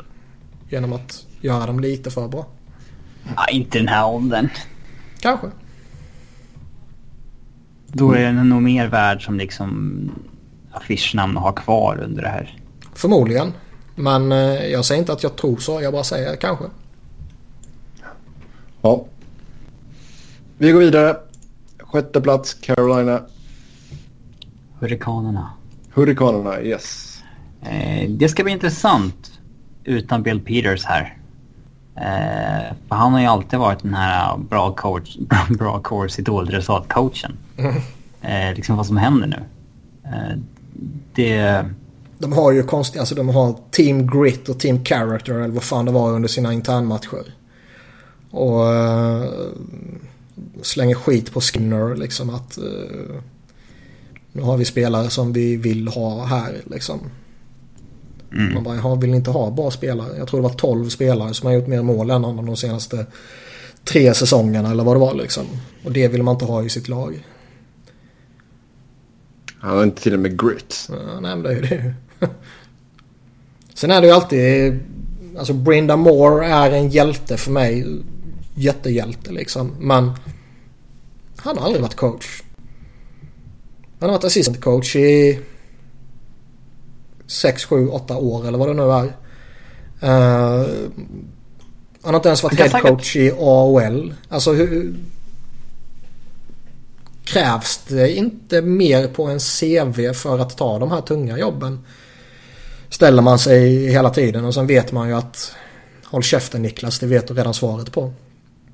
Mm, håll käften Men, Niklas. Ja, för man ser det hela tiden. De hamnar som GMs och coacher och development eh, coaches och allt vad fan det heter liksom. Han kan ju säkert ha en Patrick Raga att alltså, första året går jättebra. Mm. Eller något sånt där. Gå på en PDO Bender. Men uh, ja, det känns ju tveksamt. Han kanske är jättebra. Ja, ingen vet ju. Nej lag. Alltså, det finns väl en hel del intressanta pusselbitar i lagbygget ändå. Det finns mycket mm. positiva grejer. Den stora frågan här är ju målvaktspositionen. Där jag inte litar på vare sig Darling eller Mrazek. Men båda två har potential. Båda två har potential för att vara jättebra.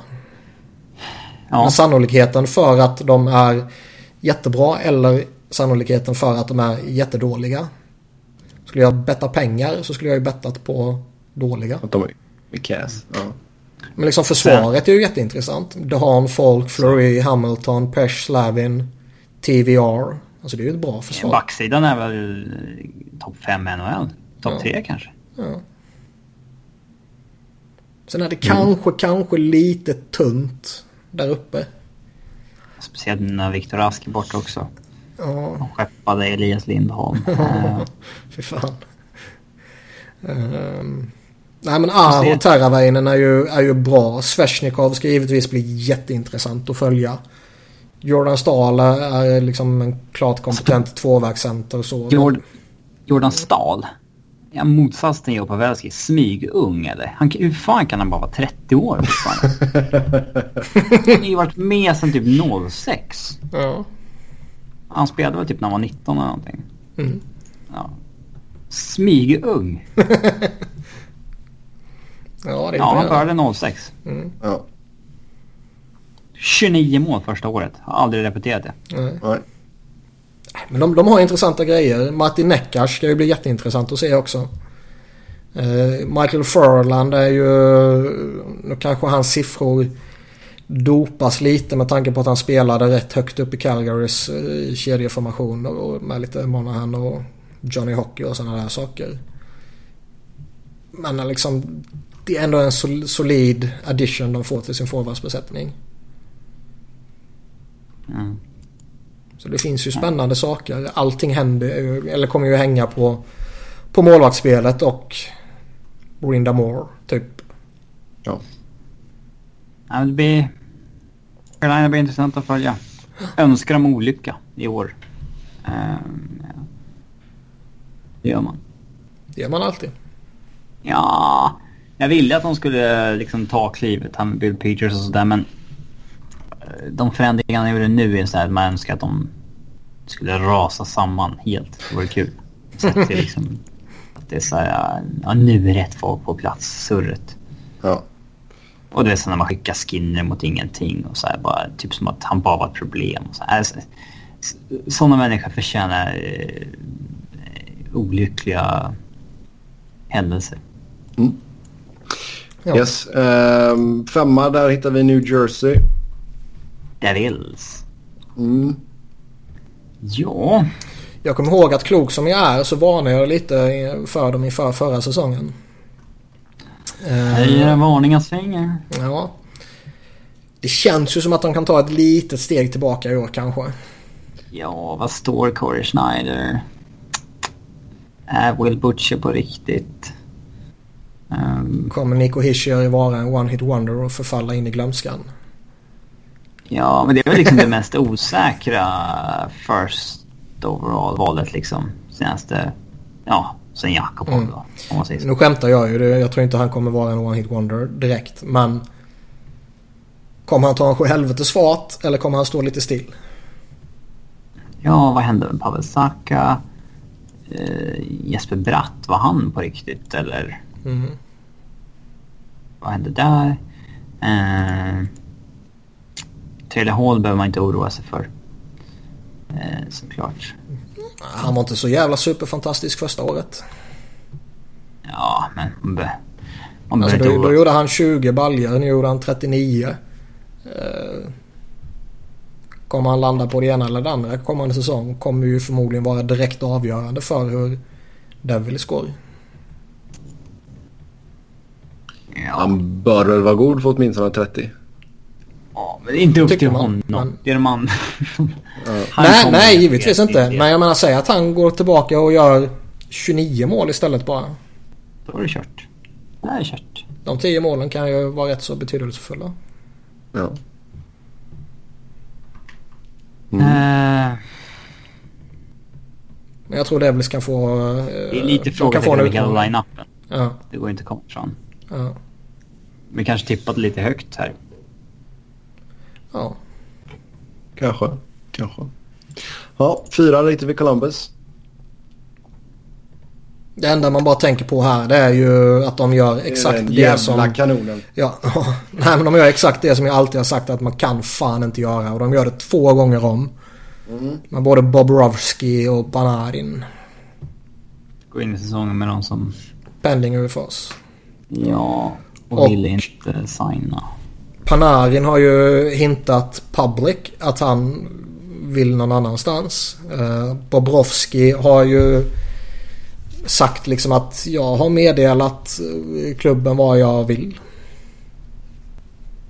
Ja. Jaha, vad är det? Får han som fråga, motfråga då liksom. Nej, det får du fråga dem om, svarar han typ. ja, och det känns ju lite som att vi kan säga grattis på födelsedagen till Broski. Jag fyllde 30 idag. Mm. Men det känns ju lite som att om man säger sådana saker då är det liksom inte att man har sagt att jag vill stanna här. Jag har inga andra alternativ. Utan då lutar det väl åt att man kommer testa marknaden. Mm. Och så kommer han signa nytt long term om fem minuter bara för det. Men Alltså har man ambitionen att skriva nytt långtidskontrakt så säger man ju det. Då säger man inte jag har meddelat klubben vad jag vill. Nej. Nej, jag menar han är ju en sån så pass... Han har väl ett ganska högt anseende då. Det är ju en bra målvakt. Nej, man kan ju snacka om... Alltså det är ju inte svårt att hävda att han är den bästa i ligan. Sen kan man alltid dra till med... han kommer ju bli dyr. Ja. Så in i helvete. Jag Uh, menar han ska väl... Han ska väl Ja, upp på men- pri- pricepengar. ja. Mm. Där är ribban lagd. Mm. Och så vill han väl såklart då som vi pratade om tidigare gärna ha term också. Ja. Ja, inte ett år. Nej. Nej. Ja, kanske man inte vill vara kvar där. Men eh, nej. Och det är alltså det, det är ju riktigt segt just att det är de här två väldigt viktiga spelarna för Columbus då också. Ehm, De här grejerna oroar ju. Nog så in i Ja, helvete. Annars så herregud. känns de ju riktigt starka. Eh, ja, alltså säga att de hade haft ett år till kvar på kontraktet så hade vi inte... Alltså... Det här är ju ett riktigt intressant lag. Trots att man Ja. har den här förbannade jävla kanonen. Alltså beroende på vad som händer med eh, alltså hur den här situationen påverkar. För vi har ju sett tidigare att den kan ju påverka ett lag något fruktansvärt. Islanders Tampa Bay till exempel. Eh,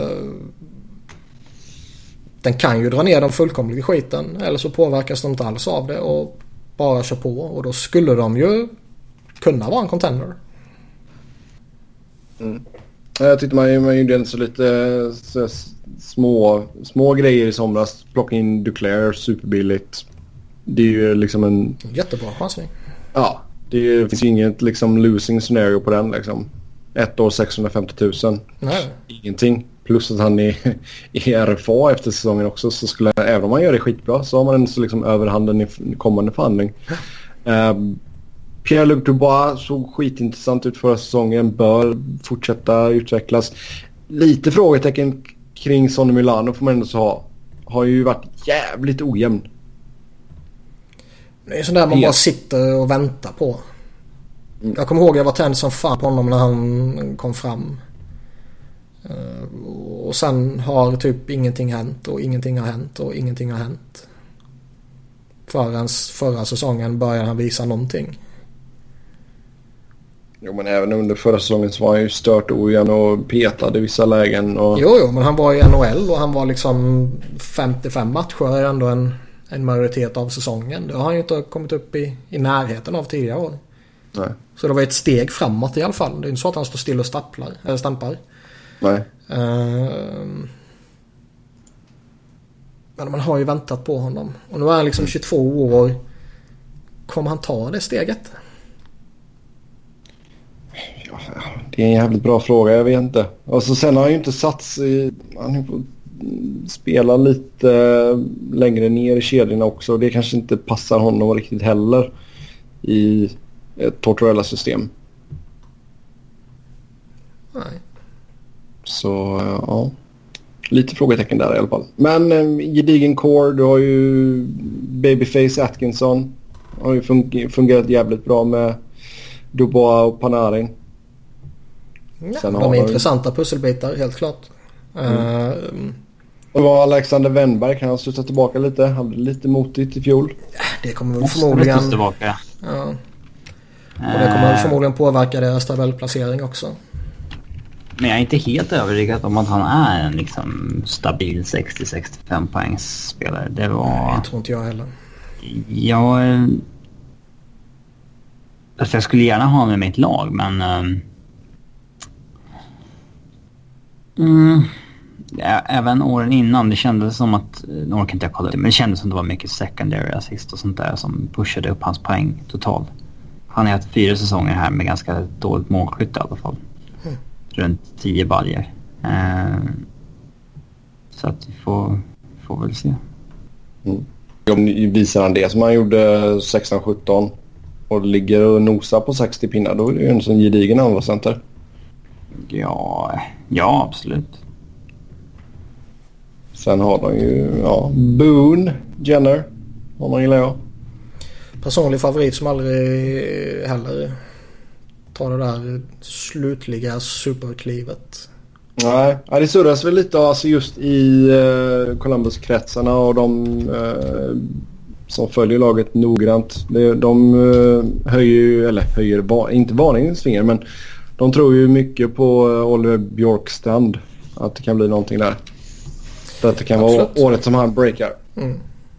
Ja, men de har också några fina, fina yngre spelare som man ser fram emot liksom. Mm. Sen har vi inte ens pratat om eh, Seth Jones och Zach Wierenski. Alltså eh, Jones megakliv förra säsongen är ju... Kan ju bli någonting riktigt jävla bra. Ja, där har man ju antingen har man ett av ligans bästa backpar eller så har du om du splittar på dem så har du två riktigt bra par. Mm.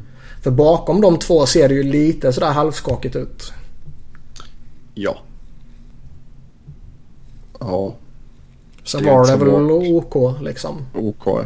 Men i övrigt, ah. Mm. Och sen bakom Bobrovski då så är det ju Jonas Korpisalo. Ja, det är man ju inte sålt på direkt. Så, men som sagt, mycket frågetecken då med tanke på situationen med Panarin och Bobrovski. Frågan är om man kan få ordentligt utbyte för dem också om man väljer att skicka. Eller om man blir tvungen att skicka rättare sagt för de vill ju förlänga.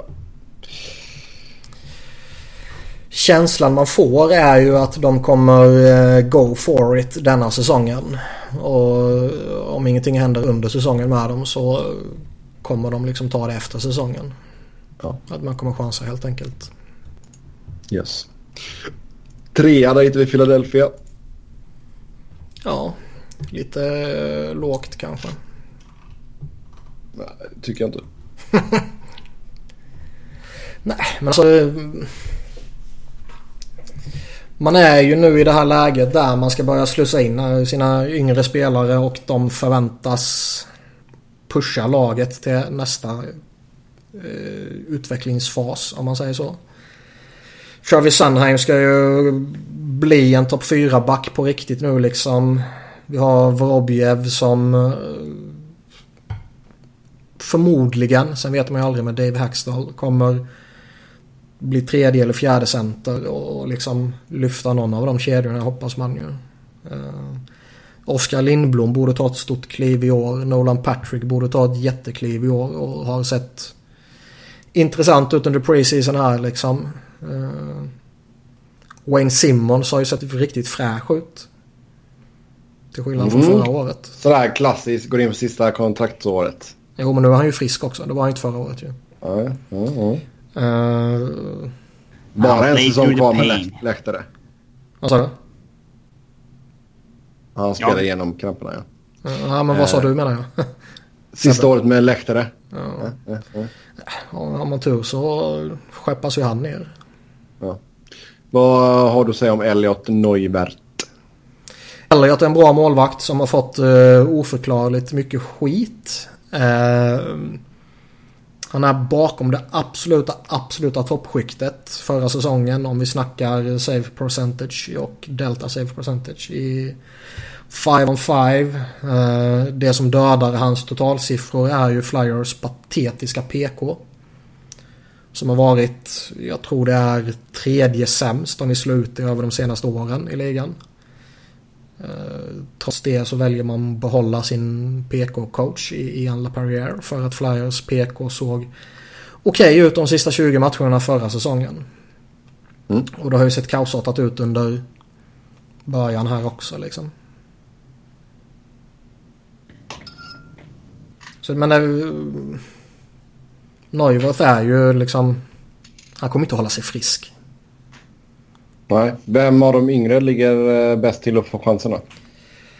Svårt att säga. Alex Lyon uh, offentliggjorde dem idag. Har ju blivit skadad borta fyra veckor. Så det är ju, det Nu är ju säsongen två veckor bort så det låter ju kanske mer dramatiskt än vad det är egentligen. Men mm. i och med att man planerade gå in i säsongen med Carter Hart, Lion och Anthony Stålarts i AOL. Så känns det ju som att åka på en skada nu kan ju vara rätt negativt för ens säsong. Ja.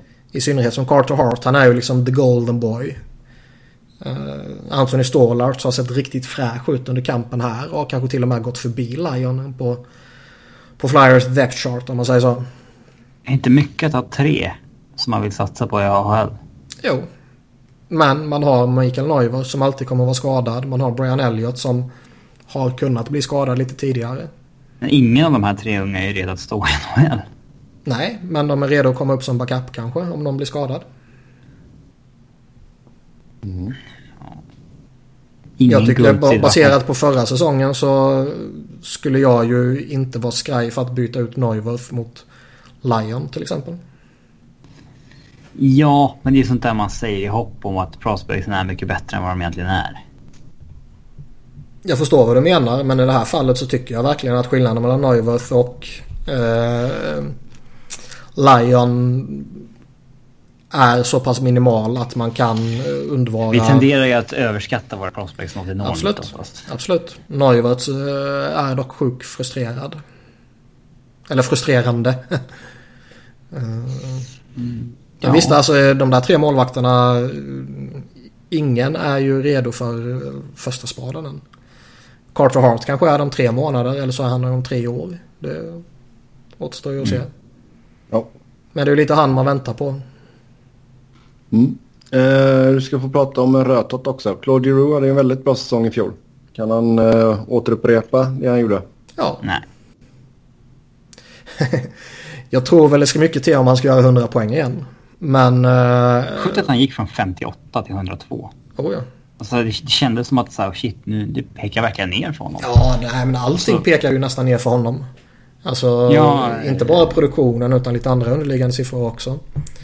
Så han kom tillbaka på ett sjukt mäktigt sätt. Och frågan är ju om han har fått någon form av nytändning av att komma ut på vingen. Eller var det här bara det sista dödsrycket liksom?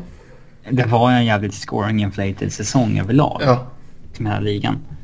Eh, ja. Sen visst, det är, mm. det är ju ingen vettig människa som förväntar sig att han ska göra 100 poäng igen. Men ska han kunna ligga på point per game? Ja, kanske. Mm, var ju 24, jag kollade på det förut, jag tror det var 24 spelare som var point per game som hade lirat över liksom, mer, ja, mer än 10 matcher. Ja, uh. nej, men säg alltså de hade ändå... Första kedjan de hade var ju fantastisk med Couturier och Connectney. Kommer den fortsätta? Alltså Connectney från januari och framåt. Det var bara McDavid som gjorde fler 5 mot 5 mål än honom. Inte för att mm. man förväntar sig att han ska hålla den nivån hela, hela tiden nu men liksom... Nu ska ju Connectney hålla jämna steg med McDavid helt enkelt. Det är, de, det är de förväntningarna vi har här nu. Men det finns liksom, det finns mycket potential i laget och det kommer ännu mer underifrån. Uh, nu ska ju allting bara synka ihop.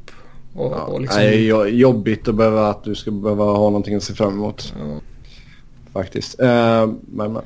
Sen är jag ju helt inställd på att Vorobjev kommer skickas ner och Tyler Myers kommer skicka ner. Jari Lehtonen kommer vara vår tredje center. Because that's why. Liksom. Helt inställd på det. Men det är ju för att jag förbereder mig på det värsta. Mm. Ja, men det är ju förmodligen det rimligaste också. Det är det rimligaste om man tänker på att det är Dave Hackstall som är coach. Det är inte det rimligaste om man tittar på faktiska prestationer under preseason. Ja men det är så jävla enkelt att gnälla på sin... Att kollar man på Flyers disponering av istid så får ju liksom Lehtera minst istida forwards. Ja, men han har också en framträdande roll i PK. Ja, han, har, han, får, han får viktiga byten i defensiv zon i slutskedet av matcherna. Och liksom... Ja, men det får ju... Men det, får ju, det kommer man ju på med vilken coach den sätter det. Kanske, men det är fel. Ja, och det, det vet du också. kan absolut bli värre om en annan coach. Kan det absolut bli. Men, alltså äh... nästan troligt att snarare. Tittar vi på... Eh, alltså av ordinarie forwards i fjol så var ju Jori Lehtry den som spelade minst per match. Ja, det, det, vet jag och det har vi pratat om tidigare. Det mest var ju Connecting. Ja, det vet jag och det har vi pratat om tidigare. Men det är ju det som är det svåra ibland när man bara, och jag har ju själv gjort samma sak så det är inte så att jag har slänger skit på dig nu liksom. Men det är farliga när man bara tittar på statistik och när man inte ser matcherna. Faktiskt, det, det är ju... Jag hatar ju att säga det men ibland är det ju så ju. Och Lehtara-fallet är ju ett sånt case liksom. Att... Ja, Först, första blicken så ser det inte så jävla farligt ut. Men om man sen detaljstuderar lite närmare så... Ja, det är inte han man vill ska gå in och, och ta sista minuten i egen zon. Och det är inte han man vill ska ta den där eh, PK-rollen liksom. Nej, men- Jag är han med på vad du menar men du måste ju fatta vad jag menar. Ja, han kanske litar mer på Leicester än Connecting när det gäller ett sista byte. Ja det gör han ju. Och det är det som är så men spelar fortfarande 30% mer än Leicester. Ja, ja. Det får du ju vara nöjd med. ja, men jag vill ha mer. Ja, men...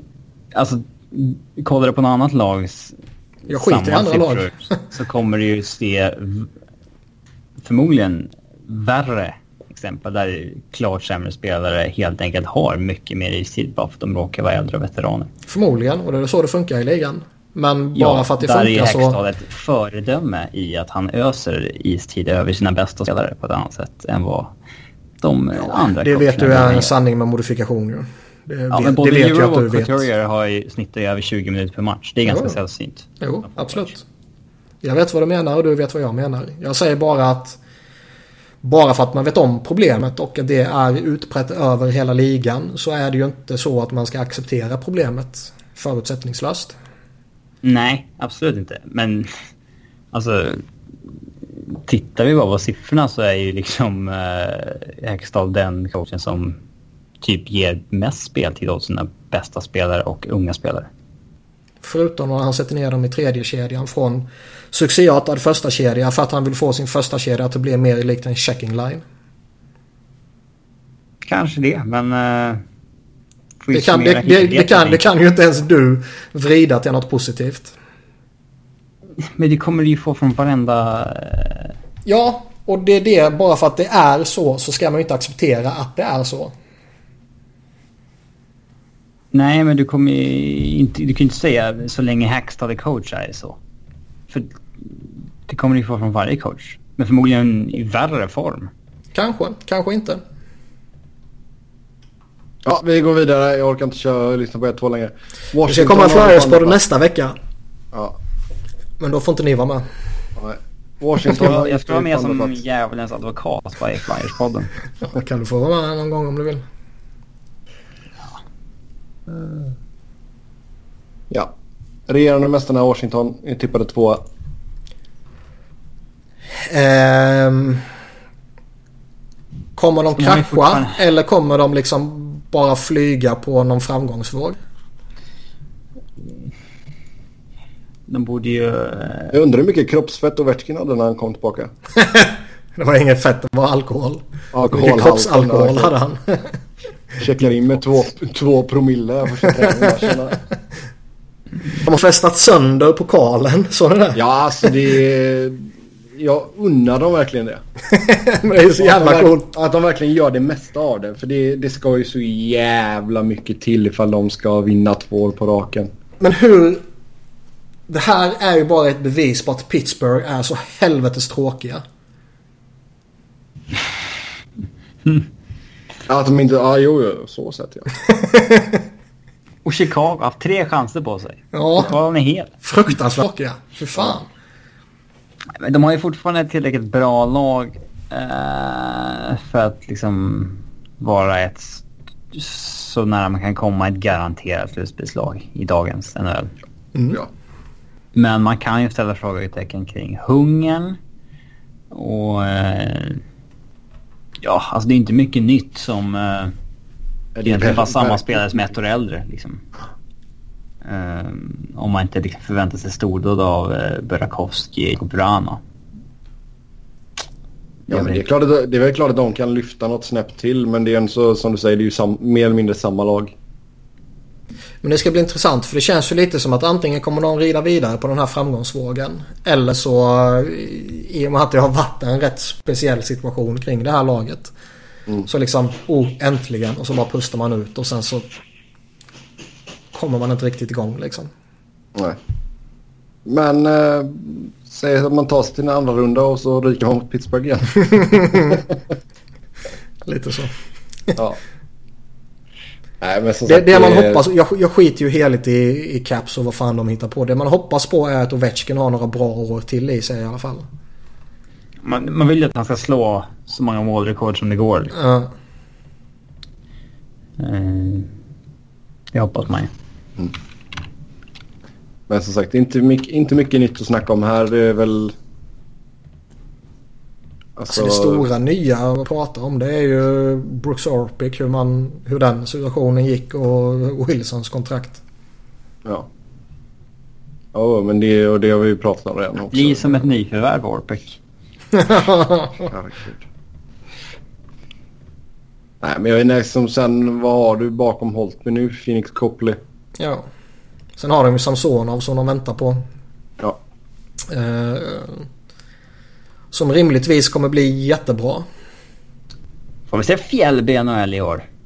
Han är tillbaka i Djurgården snart. Håret. Ja, kanske. Mest överhypade svensken de senaste åren. Nej, i år blir det nog svårt. Men på, på sikt kanske han kan få en chans. Mm. Yes, ja, det är inte så mycket mer att säga om Washington faktiskt. Eh, etta var ju typ Pittsburgh. Ja. Tråkigt och safe men det är ett bra lag. Det, det ska bli intressant nu för nu har de ju kommit här från den första sommaren på, på rätt länge där de faktiskt har fått en ordentlig sommarvila och, och möjlighet att, att ladda om och rehabilitera sig och sådana här. För de, de har fan spelat mycket hockey de senaste åren. Det har varit två jättelånga slutspel där, där de vann och sen var det peta in en World Cup där på någon jävla försäsongstrams för, för rätt många av dem liksom. Uh... Stort nyförvärv i Jack Johnson också. alltså jag, jag vet inte vad man ska säga. Alltså man, man, man vinner två raka kupper Sen slirar man till lite och, och liksom går på med innan mot Caps här. Och svaret på det är att skicka iväg Connor Sherry för gratis typ. För att skaka fram löneutrymme till Jack Johnson och man plockar tillbaka en 57-årig Matt Cullen. Man får ju... Eh, man har ju... Han är faktiskt bara 41. Ja. en riktig ungdom. Att ha Derek Brassard hela året tror jag kommer vara eh, nyttigt för dem. Mm. Eh, så, alltså, jag kan, jag kan också tycka att en nyckel här är ju förmodligen att inte peta för mycket för att man har ett dåligt år eller så. Absolut, alltså, att man inte överreagerar tror jag är positivt. Mm. Men du Niklas, hur är situationen med Matthew och Matt Murray? Ja, fan. Uh, mycket irriterande. Skön, skön glitch. Ja. Och folk som inte fattar det så finns han liksom två gånger på Corsica. Ja. Det finns en Matt Murray och det finns en Matthew Murray. Där mm. den ena, jag vet inte vem det var faktiskt, men den ena har jättefina siffror. Och den andra har jättemediokra siffror typ. Ja. en, en märklig slump, men lite skoj tycker jag. Lite skoj faktiskt. Ja. Det är kul det där med namn. Det, blir, det där man varit med om i... Um Ja, de har själva sett med sådana dokument. Marcus Ljung med C, Marcus Ljung med K. Så brukar det bli två olika gubbar och, och fan. Och, eller om man inte gör bindestreck Jonsson Fjällby också. Mm. Det, ja. Hockeyn hade problemet att Erik Gustafsson, Chicago och Erik och Philadelphia Erik blev liksom samma människa. Ja. eh, ja. ja. Men men. Nej, det har inte hänt för mycket Pittsburgh. Kommer ni ihåg att TJ Oshie heter Leif i mellannamn? ja, det kommer vi ihåg. Leffe. Jag, jag visste inte att uh, Jerome McGinley hade så långt namn. Uh, vad är hans fulla namn? Uh, jag kan knappt läsa det. Alltså... Jaha, okej okay, vänta. Du, du kan få läsa det. Du är bra på namn och sånt där. Jag är väldigt bra på namn. Det är synd att han inte är ryss bara. Uh. Uh, ska vi se. Åh oh, herrejävlar. Jerome Arthur Lee Adekunle Tig Jr. Elvis Iginla. Elvis? Fan vad mäktigt. Ska vi inte slänga in ett Elvis också? Ja. Har vi en ja. Junior där i mitten? Ja, det har vi. ja. Och Tig måste vara in också. Ja, det, ja, den är snygg. Det var inte så farligt faktiskt. Det är så farligt. Han har en, två, tre, fyra, fem, sex mellannamn. Jo, Nej men alltså, jag menar, det, var inte så, det var inte jättesvårt att uttala. Det var en hyfsat normala namn. Förutom typ Adekunle. Ja. Ja. Det har nog lite heritage att ta hänsyn till där som ska in. Ja, exakt. Mm. Ja, så där fick vi in den också. Har ni fler spännande namn som, vill, som ni vill att vi ska läsa upp i podden så skriv in till oss. Uh, vi lämnar våran... Uh, eller ja, skulle ni ändrat på någonting här om ni hade fått göra den själva? Förut, sätt inte Philly som etta Niklas för då... Nej det kommer jag inte göra. Alltså det är väl typ... Om man har Philadelphia eller Columbus 3-4 det är ju liksom skitsamma. Mm. Uh, Sen kommer man ju ha fel. Ja, det finns ju alltid något lag som man tror ska vara 25 som kommer vara 10. Ja, liksom Islanders. Eh. De kan gärna vara femma. Eh, ja, men alltså, det kommer ju vara några lag som överraskar rejält. Så det är varje år. Mm. Sen kommer det vara några lag som floppar rejält. Så kommer det vara alla år. Eh, ja. det, det, vi har ju aldrig två identiska säsonger. Man tippar ju alltid typ som det slutade förra året. jo. Så, men ja. överlag så känns det ändå som en ganska stark division. Ja, det gör det. Ja. Den är ju rätt hopplös för varje. Det är väl det enda laget, enda, enda divisionen som inte har ett Tire Fire-lag. Typ. Ja. Inget mm. Detroit, inget Montreal, inget Ottawa. Och ja, vilket var det fjärde nu? Buffalo. Yes. Noterbart att många av dem i Eastern Conference. Um, det är bra. Mm. Förutom yes. de torskar mot dem. Sen, alla de fyra kommer inte vara... Någon av dem kommer överraska vara bra. Ja. Förhoppningsvis inte åtta. Då tar vi och... Um, ska vi glida in på lyssnarfrågorna eller ska vi snacka NHL 19? Beta av några lyssnarfrågor först. Ja. Först ut, tror ni Erik Brännström tar en plats i Vegas den här säsongen med tanke på Smiths avstängning? Jag för mig, jag läste lite om att han har sett bra ut i alla fall. Under preseason här. Uh, mm. Och det är förmodligen inget negativt för honom. Nej, det är klart inte. Men... Uh,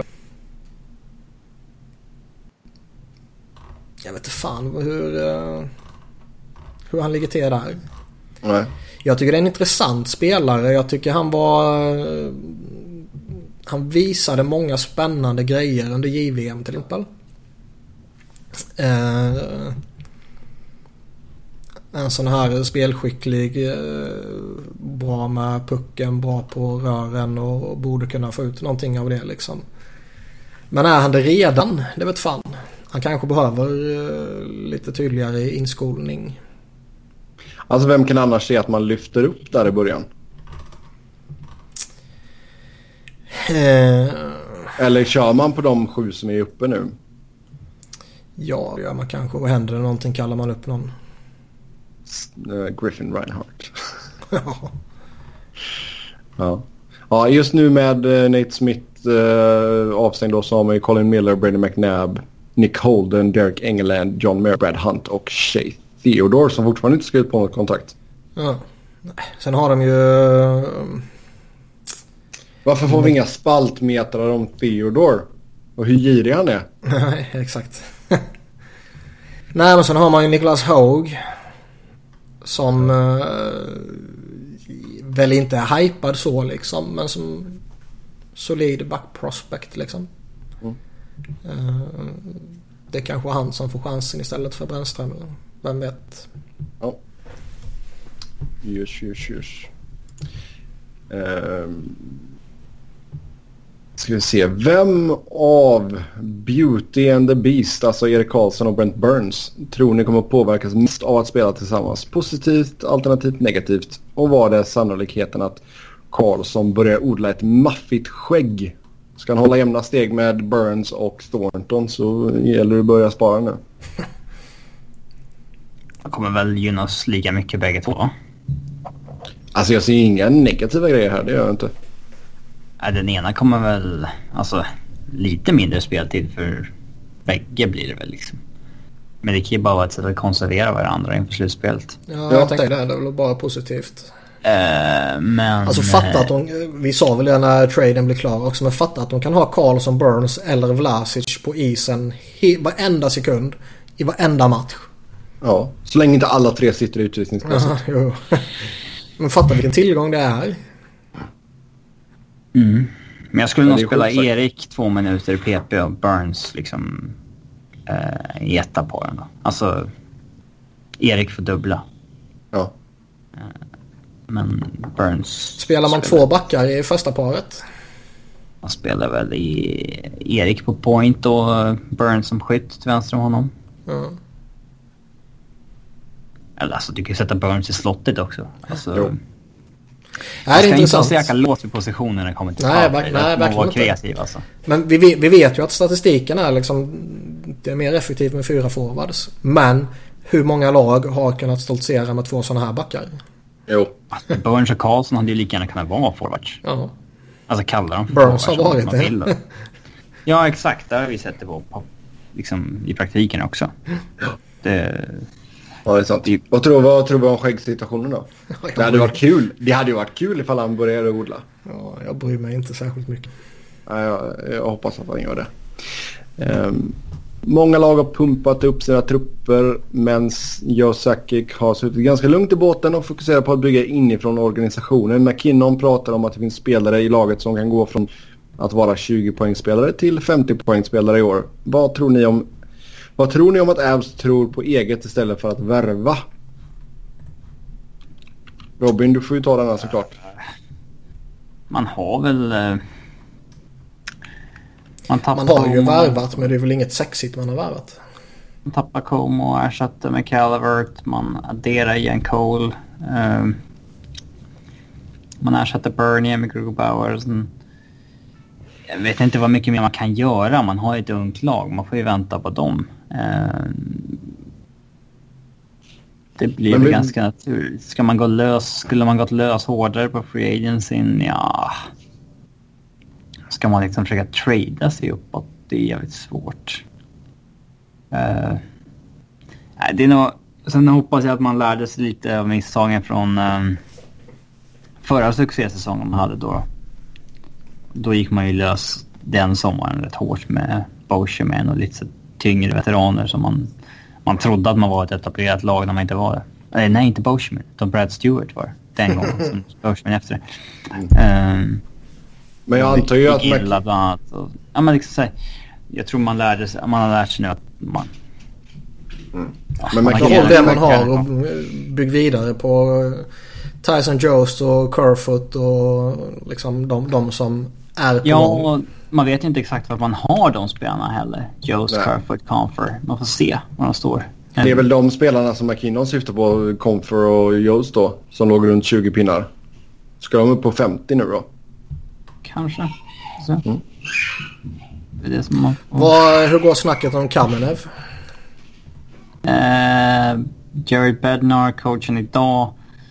Uh, ja, fired a shot at him publicly. Uh, när han sa att Kamenev får... Uh, han får... Någonting om att han får... Uh, han får bestämma sig om hur gärna han vill vara här liksom. Mm. Han har inte tydligen haft hjärta och själ i försäsongsmatcherna. Typ något sånt. Eh, Vad ligger hans kroppsfett på? Jag vet Men ja, ryss. Vet. Är det någonting som de ska börja ta, eh, köra också nu? Liksom det är height och så weight och så body fat. Jag ska kräva att det ska införas på alla EP-profiler. Ja, det är bra. Alltså, han sa att Kamenev needs to figure out how much he wants to play in the NHL. Mm. Eh. Det är ändå rätt... Eh, det är en stor salva han firar av där. Mm, han var ju skadad. Han kom ju i den här Duchene-traden förra året. Gjorde åtta poäng på sju matcher i AHL. Men han åkte på en rejäl skada i Gävs. Eh, visst, 22 bast och han ska väl upp nu om det ska hända. Mm. Men liksom, han var en av typ fyra vettiga grejer man fick i eh, Duchene-traden. Så blir det inte något av honom så... Nej, det är ju ingen panik så. Jag bara tycker han, han känns spännande liksom. Man gick igång på honom där för några JVM sen. Mm. Men alltså, det är upp till honom. Nu har man ju AHL-laget i, uh, i Colorado. Mm. Uh, alltså han... Det är upp till honom att dominera där. Då kommer han ju bli uppkallad snabbt som fan. Mm. Mm. Det är intressant vad han kan för Colorado Eagles. Ja, levererar han inte där då håller han uppenbarligen inte NHL heller. Så att... Yes, eh, nästa fråga här. Vilket topplag i ligan skulle lida mest om deras bästa spelare går sönder? Respektive vilket lag skulle lida minst av det? Minst? Vilka topplag sa du det? Mm. Ja, vilka räknas som topplag då? Ska vi ta de som kom ett och tvåa i respektive divisioner kanske? Uh... Bara för att ge oss några parametrar. Ja. Vilka var det då? Ja, om vi börjar med Eastern Conference och Metropolitan så har vi Washington och Pittsburgh. Så säg att Ovechkin och de... Crosby går sönder. Plocka bort Crosby så slänger du ut Malkin istället. ja, men om deras bästa... Alltså menar de singular bästa spelare gick sönder? Ja. Okej. Okay. Uh... Pittsburgh ja. har ju faktiskt genom åren inte lidit när någon av dem har varit borta. Mm. Eller till och med båda Känns som de nästan alltid har haft en av dem borta. Mm. Typ. Mm. Eh, men det var också under disco den tiden. Det var länge, de har varit friska ett, ett länge. Eh. Men det känns som att om, om du tappar Crosby och du ändå har kvar Malkin och numera Brassard och Kessel. Då kan du hantera det. Mm. Ja, Günsel och ja. Ja, om Washington tappar Ovechkin. Så det här... Så Beckis är inte bäst längre. ja. Ovechkin gör ju ohyggligt många av deras mål. Ja, det är klart han gör. Så eh, det, den är nog, kan jag nog vara ense Och tappar de hans mål så tappar de alla Beckis assist. Eller nu är det Kuznetsov kanske i och för sig, men... Eh. Ja. Ja, men de skulle nog lida hårdare. Det finns ju inte riktigt... Alltså jag tror inte Oshie liksom... en 50-målsskytt och tappa bara, bara sådär. Det, Nej. det är, det är ganska outrättligt. Mm. De skulle kunna klara sig utan en av centrarna ganska länge. Mm. Ja, fast nu var det ju bästa och Ovechkin är ju bäst. Uh, Atlantic, Tampa Bay och Boston. Tampa tror jag är jäkligt självspelande. Även om de av vem nu är bäst. Men säg att de tappar Hedman eller Stamkos. Då skulle de trumma på rätt länge ändå. Hedman är ju nog eh, avsevärt mycket värre än att tappa Stamkos eller Kucherov. Mm. Ja, de har ju bra täckning på forwardsidan. Och nu har de ju ja. sämre täckning på backsidan än de har haft på rätt länge känns det som. Men, ja, ändå McDonough där. Men, men liksom ändå tappa ja, Hedman. Topp ja. tre back i ligan förmodligen. Det, ja. Men Tampa är nog ett av lagen som skulle klara sig alldeles utan sin bästa spelare om vi säger så. Ja. Mm. Boston? Nej, alltså... Bergeron är ju rätt jobbigt. Framförallt nu när Krejci ja. har gått ner sig lite. Ja. Det finns inte riktigt något centerdjup där som imponerar. Nej. Uh, de skulle få det tufft. Mm. Uh, Western, Central, Nashville och Winnipeg. Nashville är väl någon av backarna och då har de ändå tre superbackar fylla på. ja. Ja. Nej. Nashville klar, skulle klara sig också. utan Subban. Uh, nej men det löser man i, i, i Nashville. Jets är väl... Vem är bäst då? Det är väl om man håller Mark Scheifele bäst. Och han försvinner så ser ju centeruppsättningen inte bra ut. Nej.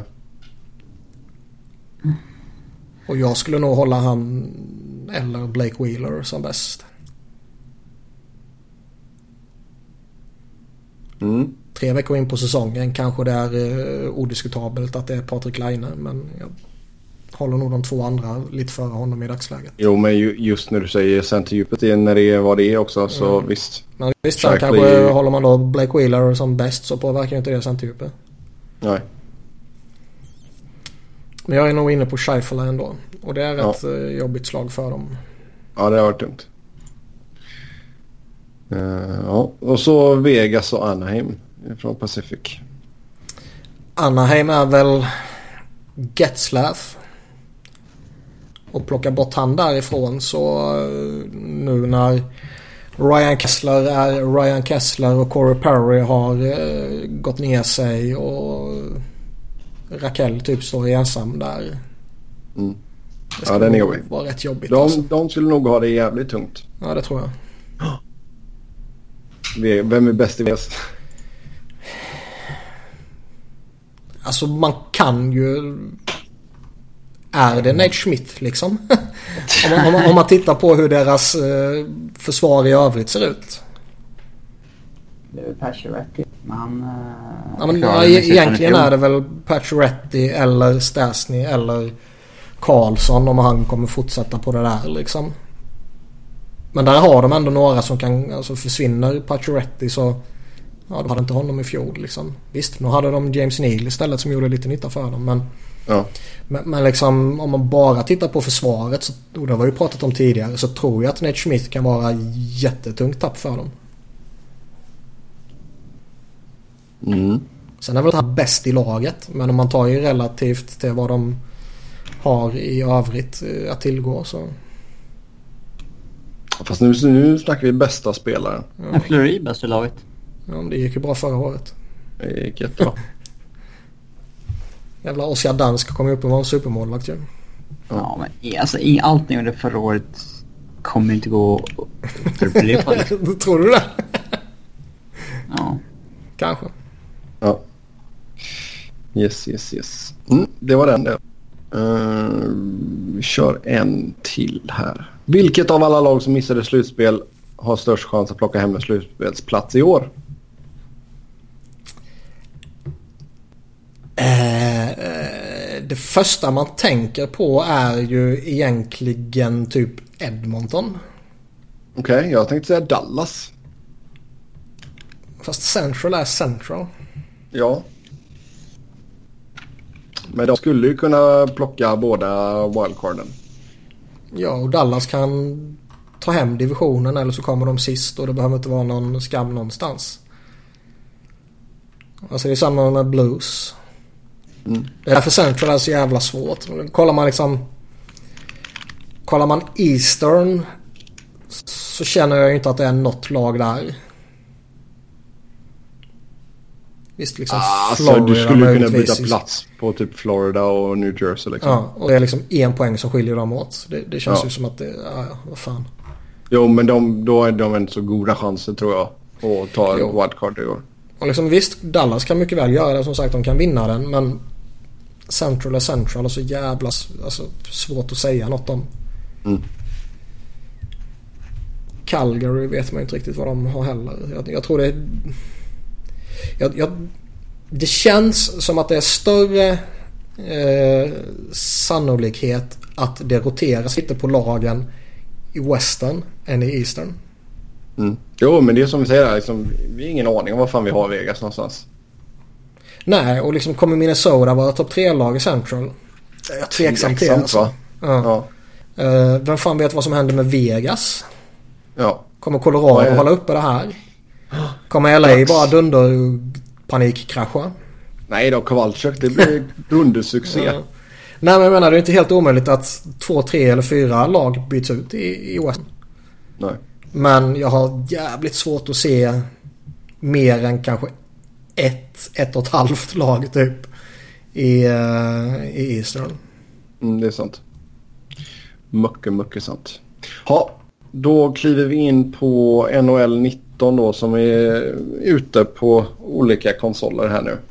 Eh, vi hade förmånen att få koder i förväg från EA så vi säger stort tack till dem såklart för det. Och eh, ja, du kan hoppa av nu då i och med att inte du har spelat någonting. Eh, så Niklas, vad tycker du om senaste upplagan av NHL? Fattar att Robin inte ens sa hej då. Nej, det är, det är dålig stil är det. Det är så stockholmare. ja, för fan. Ja. Um, vad, vad sa du vad jag tycker? Ja, alltså vad var första intrycket när du startade upp NHL 19 på ditt första PS4? In intrycket är ju att de har en girig snorvalp som uh, omslagspojk. Ja okej, okay. han är omslagspojk i Sverige. Så där ja. ja. Han är ju svenska, det är ju P.K. Subban här. Uh, ja. Uh, på riktigt om man säger så. Men har, har du Nylander på title screenen då i Sverige? Vet faktiskt inte. Okej, okay. vi har ju Subban här. Ja, alltså jag skämtar ju. Det, det fattar du, det vet jag. Men det kanske ja, inte var att påpeka det är lite roligt. Eh, regionala grejer. men, men äh, första intrycken är ju att är det så stor uppgradering från tidigare spel? Frågetecken. Alltså jag skippade ju 18. Mm. Ska, jag, ska jag villigt erkänna. Jag har inte köpt 18 men jag har spelat rätt mycket. Uh, det ska ju vara... Uh, nu tappar jag orden här. Det finns ju nya funktioner i liksom i spelet. I, i liksom ja, gameplay. Ju... Som gör att det är mer realistiskt. Tacklingsbiten eh, är mer verklighetstrogen och sådana saker. Och, och liksom när man sätter sig in i det så märker man att fan de har lagt mycket jobb på det här. De har verkligen ja. gjort det här och de har satsat på det här och de har utvecklat det här. Men är man bara en casual gamer liksom så märker man kanske inte av det så jättemycket. Alltså jag tycker spelet ser, alltså om bara tittar på det ytliga så ser det ju oförskämt bra ut. Ja, det, gör. det är ju riktigt snygg animation allting och jag lirar ju med ett eh, PS4 Pro. Um, ska jag bara tillägga. Um, jag har PS1. ja men du har väl sånt vanligt PS4 va? Ja. ja. Um, så spelar på en ganska stor tv och allt sånt där. Så det ser ju oförskämt bra Jag tycker fortfarande, alltså. Det är en bisak men publiken ser fortfarande lite halvrolig ut tycker jag. Jo uh, men det är liksom, fan jag bryr mig inte om publiken nej, jag spelar. det är inte det de ska lägga krut på ändå. Men spelaranimationerna har alltid jättebra ut. Som du säger, liksom finslipningen av spelarkontrollerna och att du har beroende på vilket eh, kontrollschema du väljer. För du kan ju köra allt från du kör med eh, vad heter de? Analog sticks till Ja, det finns ju massa olika. Ja, NHL 94-knapparna till, till att allting är supermanuellt liksom. Ja, så på det sättet så mm. gör man ju en tjänst till en mycket bredare bas. Liksom, att... Ja, och jag, jag, tycker liksom spelupplevelsen tycker jag är generellt sett hög och bra. Mm. Uh, det, jag upplever det inte som jättestor skillnad från föregående spel. Men det kan ju faktiskt vara så att man har tagit det här spelet så långt man kan ta det. Och nu bara egentligen kan finjustera lite. Mm. Jo, det är mycket möjligt. Uh, Nej, men alltså du hade ju inte så... För menar, går vi tillbaka ett par år. Så jag menar... NHL 14 var jag riktigt besviken på. Så långt tillbaka kommer jag inte ihåg. Det, då var det verkligen sådär bara, ja, ja, det här var ju inte roligt längre.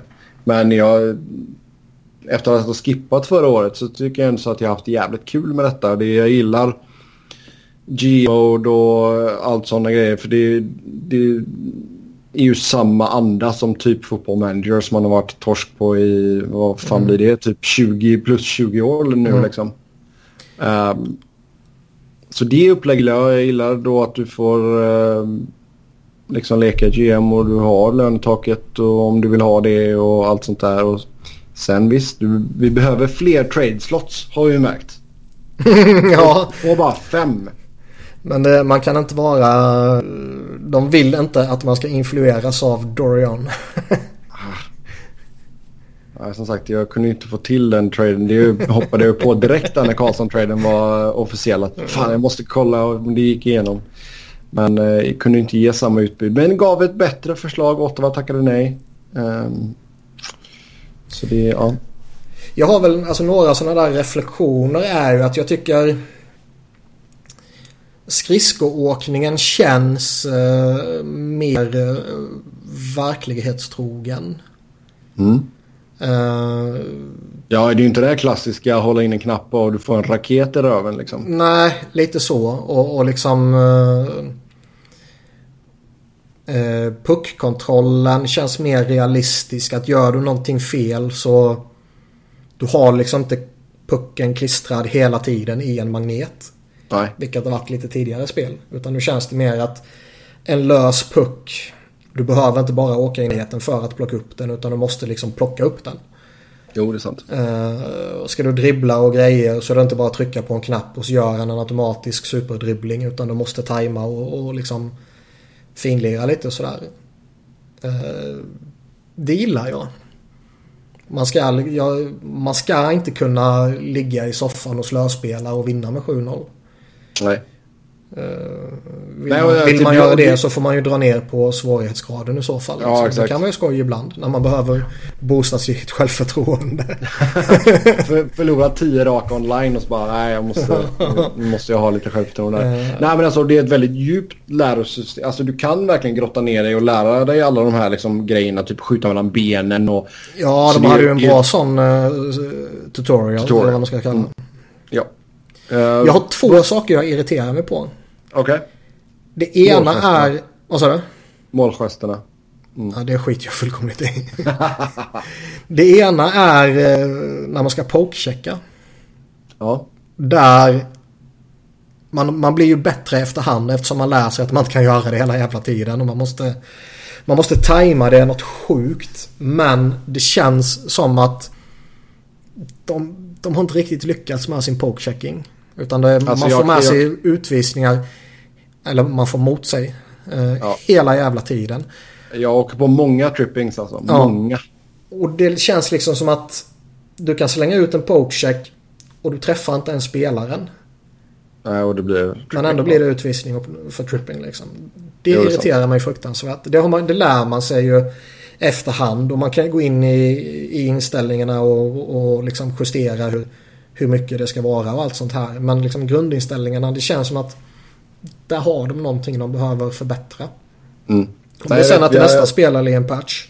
Det mm. vet jag inte. Det, det, Nej, alltså jag, jag, spelade en lokal eh, multiplayer-match här. Eh, mot en bekant. Och jag tror jag hade typ så 12 trippingutvisningar i en match. Ja, och det är lite jobbigt. ja. Jag vann ändå, ska tilläggas. Jag tror jag inte. Eh, jag spelar som LA och han spelar som St. Louis. Så mm. haha. Eh, den andra jag irriterar mig på och det är väl ehm, i jämförelse med Fifa till stor del att i Fifa märker man en sån fruktansvärd skillnad om du är Kevin Walker eller Leo Messi. Eller om du är Cristiano Ronaldo eller Leo Messi. Det är sån extrem skillnad på liksom spetskvaliteterna och vad de gör bra och vad de är lite sämre på och, och liksom om du har en, en topprankad eller en medelrankad spelare. Mm. Men så jag tycker i NHL så märker man inte riktigt av dem. Alltså, inte på samma sätt nej. Nej, om jag är Scott Lafton eller Sidney Crosby. Så är det liksom, jag har ungefär lika stor möjlighet att göra mål egentligen.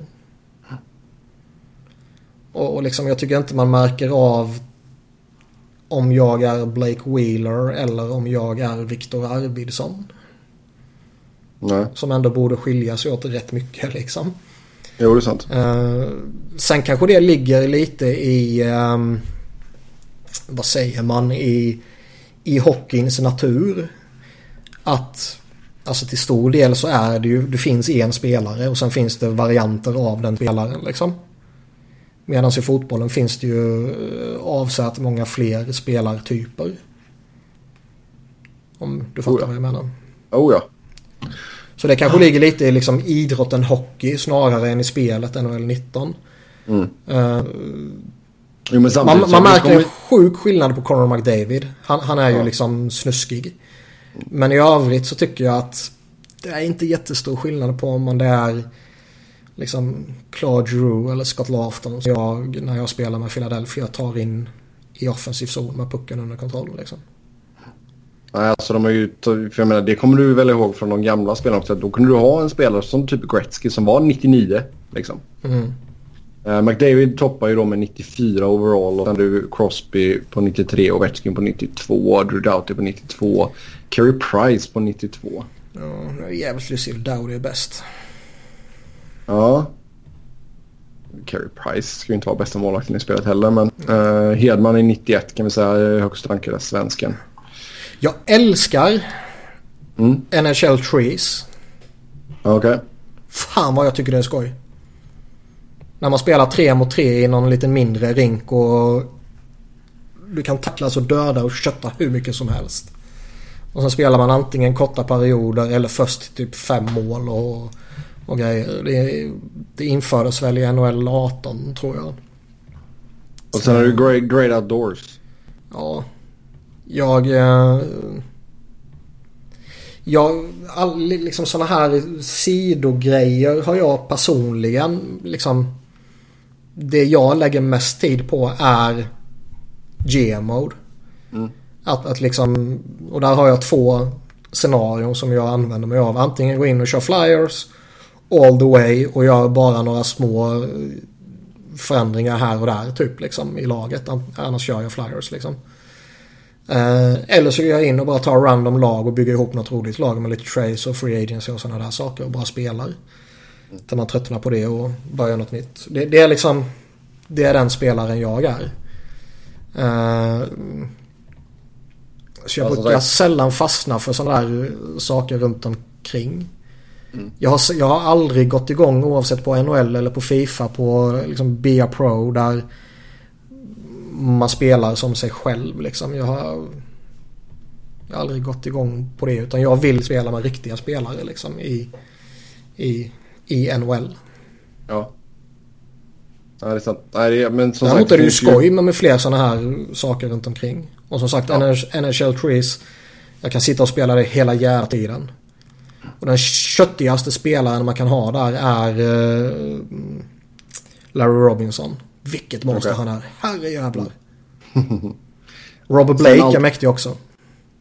Ultimate Team, det är inte någonting som jag lägger mycket Nej, tid på. Inte heller. Uh, och det är ju där du hittar de här microtransaction-grejerna också. Mm. Um, så ja, men alltså väldigt positivt inställd till spelet som en helhet. Eh, jag vet att jag får så bra betyg av vissa jag tror IGN som är en väldigt stor tv-spelssajt eh, gav det väldigt högt betyg och sa att det ja, bästa spelet hittills.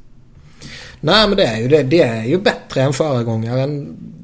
Det tycker jag det är. Det finns fortfarande saker man kan fin, finslipa liksom. Och eh, jag är en sucker i det här liksom att man kan spela med gamla spelare. Mm, det är kul. Uh, så att man kan spela med sina gamla idoler och man kan lira med Luke Robertail om man vill det. Och det vill man. Ja. Lucky Luke. Men det är häftiga grejer. Uh, men det känns som att Borde det inte snart bli dags för en stor revolution? Vad är det är ju frågan. Jag vet inte. Och det är som jag sa tidigare. Man kanske har tagit det här spelet så långt som man kan ta det. Virtual reality.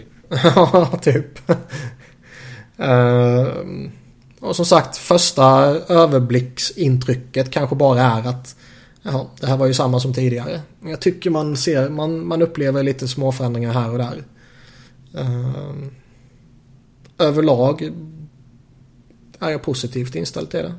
Uh, är man eh, spelnörd och hockeynörd så tycker jag det är värt ett köp liksom. Oh ja. Uh, har man inte fastnat för NHL-spelen tidigare så kommer man förmodligen inte fastna för detta heller. Också sant. Men uh, som sagt överlag positivt om man om man gillar det sen tidigare liksom. Mm. Nej, men jag kan väl säga att det är väl det... För mig personligen så är det nog det roligaste sen... Alltså NHL 94 kommer alltid ha en så speciell plats i uh, mitt hjärta. För det är liksom det, det perfekta spelet liksom. Uh, men jag tycker 98 var bra också. Det som har en fin plats i mitt hjärta var, jag tror det var 97. För det var Eric Lindros på omslaget. Ah, Eller 98 kanske. Eller 99. Det var där omkring i alla fall. Det var ju inte 97. Det var ju Van Breesbrook. Det var ju värdelöst det spelet. Mm. Fan vad dåligt det var. Åh, det var så dåligt. Slagskotten gick typ i 10 km i timmen. Fy fan, det är det sämsta NHL-spelet i NHL 97. Ja. 99 var Lindros. Ja, 99 då. Det är det bästa. Ja, 98 på, vad var det, Playstation 1. Med. Eh, på omslaget. På den tiden spelade jag på data. Oj, okej. Okay. Ja, jag har varit eh, konsolgrabb när det kommer till sådana spel ganska länge. Det har mest varit typ jag så här. Ihåg, eh... Spelen har varit på datorn och typ Heroes of Might and Magic var ju jävligt coolt när man var liten också på datorn. Ja, jag var datorsnubbe när jag växte upp liksom. Jag kommer ihåg när eh, första jo, datorn du... vi fick eh, hemma och så här och första spelet jag fick var Fifa 96 liksom. Ja okej. Okay. Uh, jag brukar, typ brukar du, alltid sitta du... hemma hos, hos mig och spela och då var det liksom tangentbord och sen hade jag en sån här um, handkontroll du vet. Ja. Uh, som heter, någon, heter något speciellt. Men skitsamma. En joystick? Nej, inte en joystick men något annat liksom. Ja. Och sen hade jag en... Eh, och sen kunde man spela med musen också. ja just det. Det kommer jag ihåg man kunde med musen ja. Och eh, eftersom det var min dator och mitt spel så spelade jag ju aldrig med musen. Nej, det var ju den sämsta. ja, det fick någon annan göra och det var så jävla värdelöst. Nej, i början där var det mycket typ Doom, Duke Nukem, mm. Quake. Mycket sådana spel på datorn. Mm. Ja, men vi kan i alla fall ge våran uh, stämpel av uh, recommendation. Så, det tycker jag. Mm. Uh, som sagt, bra spelupplevelse och det, det, är det som är det viktiga. Alla sådana här Visst, de har lagt till utomhushinkar, det är lite häftigt. De kan ha lagt till någon annan ny funktion. De kan ha finslipat den där funktionen runt omkring. Men allting som betyder något för mig i grunden är ju vad som händer på isen. Och även om jag hade lite klagomål där så överlag så är det bra liksom. Mm. Och det är skoj. Nice. Yes. Och det är... Oh. Eh, vad ska man säga? Det är liksom inte... Eh, det är vare sig för enkelt eller omöjligt. Nej, det är sant. Man kan hitta en ganska bra nivå. Ja. Jag är fortfarande oerhört dålig på att teka. Ja, det har jag sällan några problem med faktiskt. För jag kör hybridkontrollen. Ja, jag vet faktiskt inte vad jag kör. Jag kör standardgrejen. Ja, okej. Okay. Ja, då kör du med alla dumpsticksen och sådär. Jag kör mer hybridkontrollen. Jag är mer bekväm med det. Alltså, mm. Men lite jobbigt att teka med det. Så har ni tips på det så, skri så skriv till mig. Så hata på Sebbe istället. Nej, nej, nej. Skriv till mig på hur jag kan bli bättre på att teka. Jag vill bli som Dion Phaneuf. Um... Tips om man vill ha en sjukt cool back. Så ska man trada till sig Sam Moran. Som är ett jävla monster. Mm. Han har typ 76-77 i, i, rating så det är inte överjävligt sådär men Stor som ett jävla hus och han kommer döda varenda motståndare som kommer i närheten. Sådär, så ja. spelar man med flyers, lyft upp honom det första ni gör, sätt in honom i tredje backpar. Uh, peta Andrew McDonald för att det känns så fint. Uh, Plus att han inte platsar om man bara tittar på ratings. Folin är högre rankad än honom liksom. Se där mm. Men, eh, och sätt in honom i laget och bara låt honom kötta. Mm. Han är, usch vilket monster han är. Ja. Anse Kopitar är bra. Jag gjorde, eh, vad heter det? Jag har inte spelat två med Kings. Men... Två hattrick på en match med honom. Ja.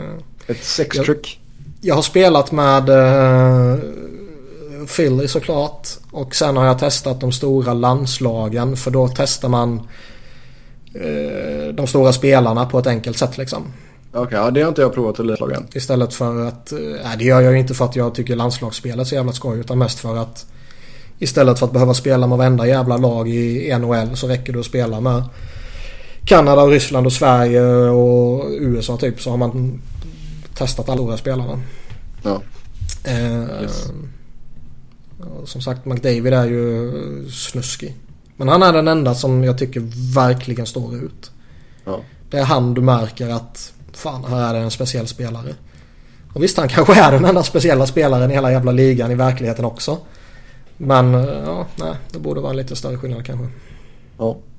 Yes, med det står vi och säger tack och hej för den här gången. Som vanligt ska ni köta hockey med oss via Twitter. Mig hittar ni på ett Noren. Niklas på ett Niklas Wiberg, Niklas med C och Robin hittar ni på R underscore Fredriksson. Tills nästa gång, ha det gött. Hej! Hej hej!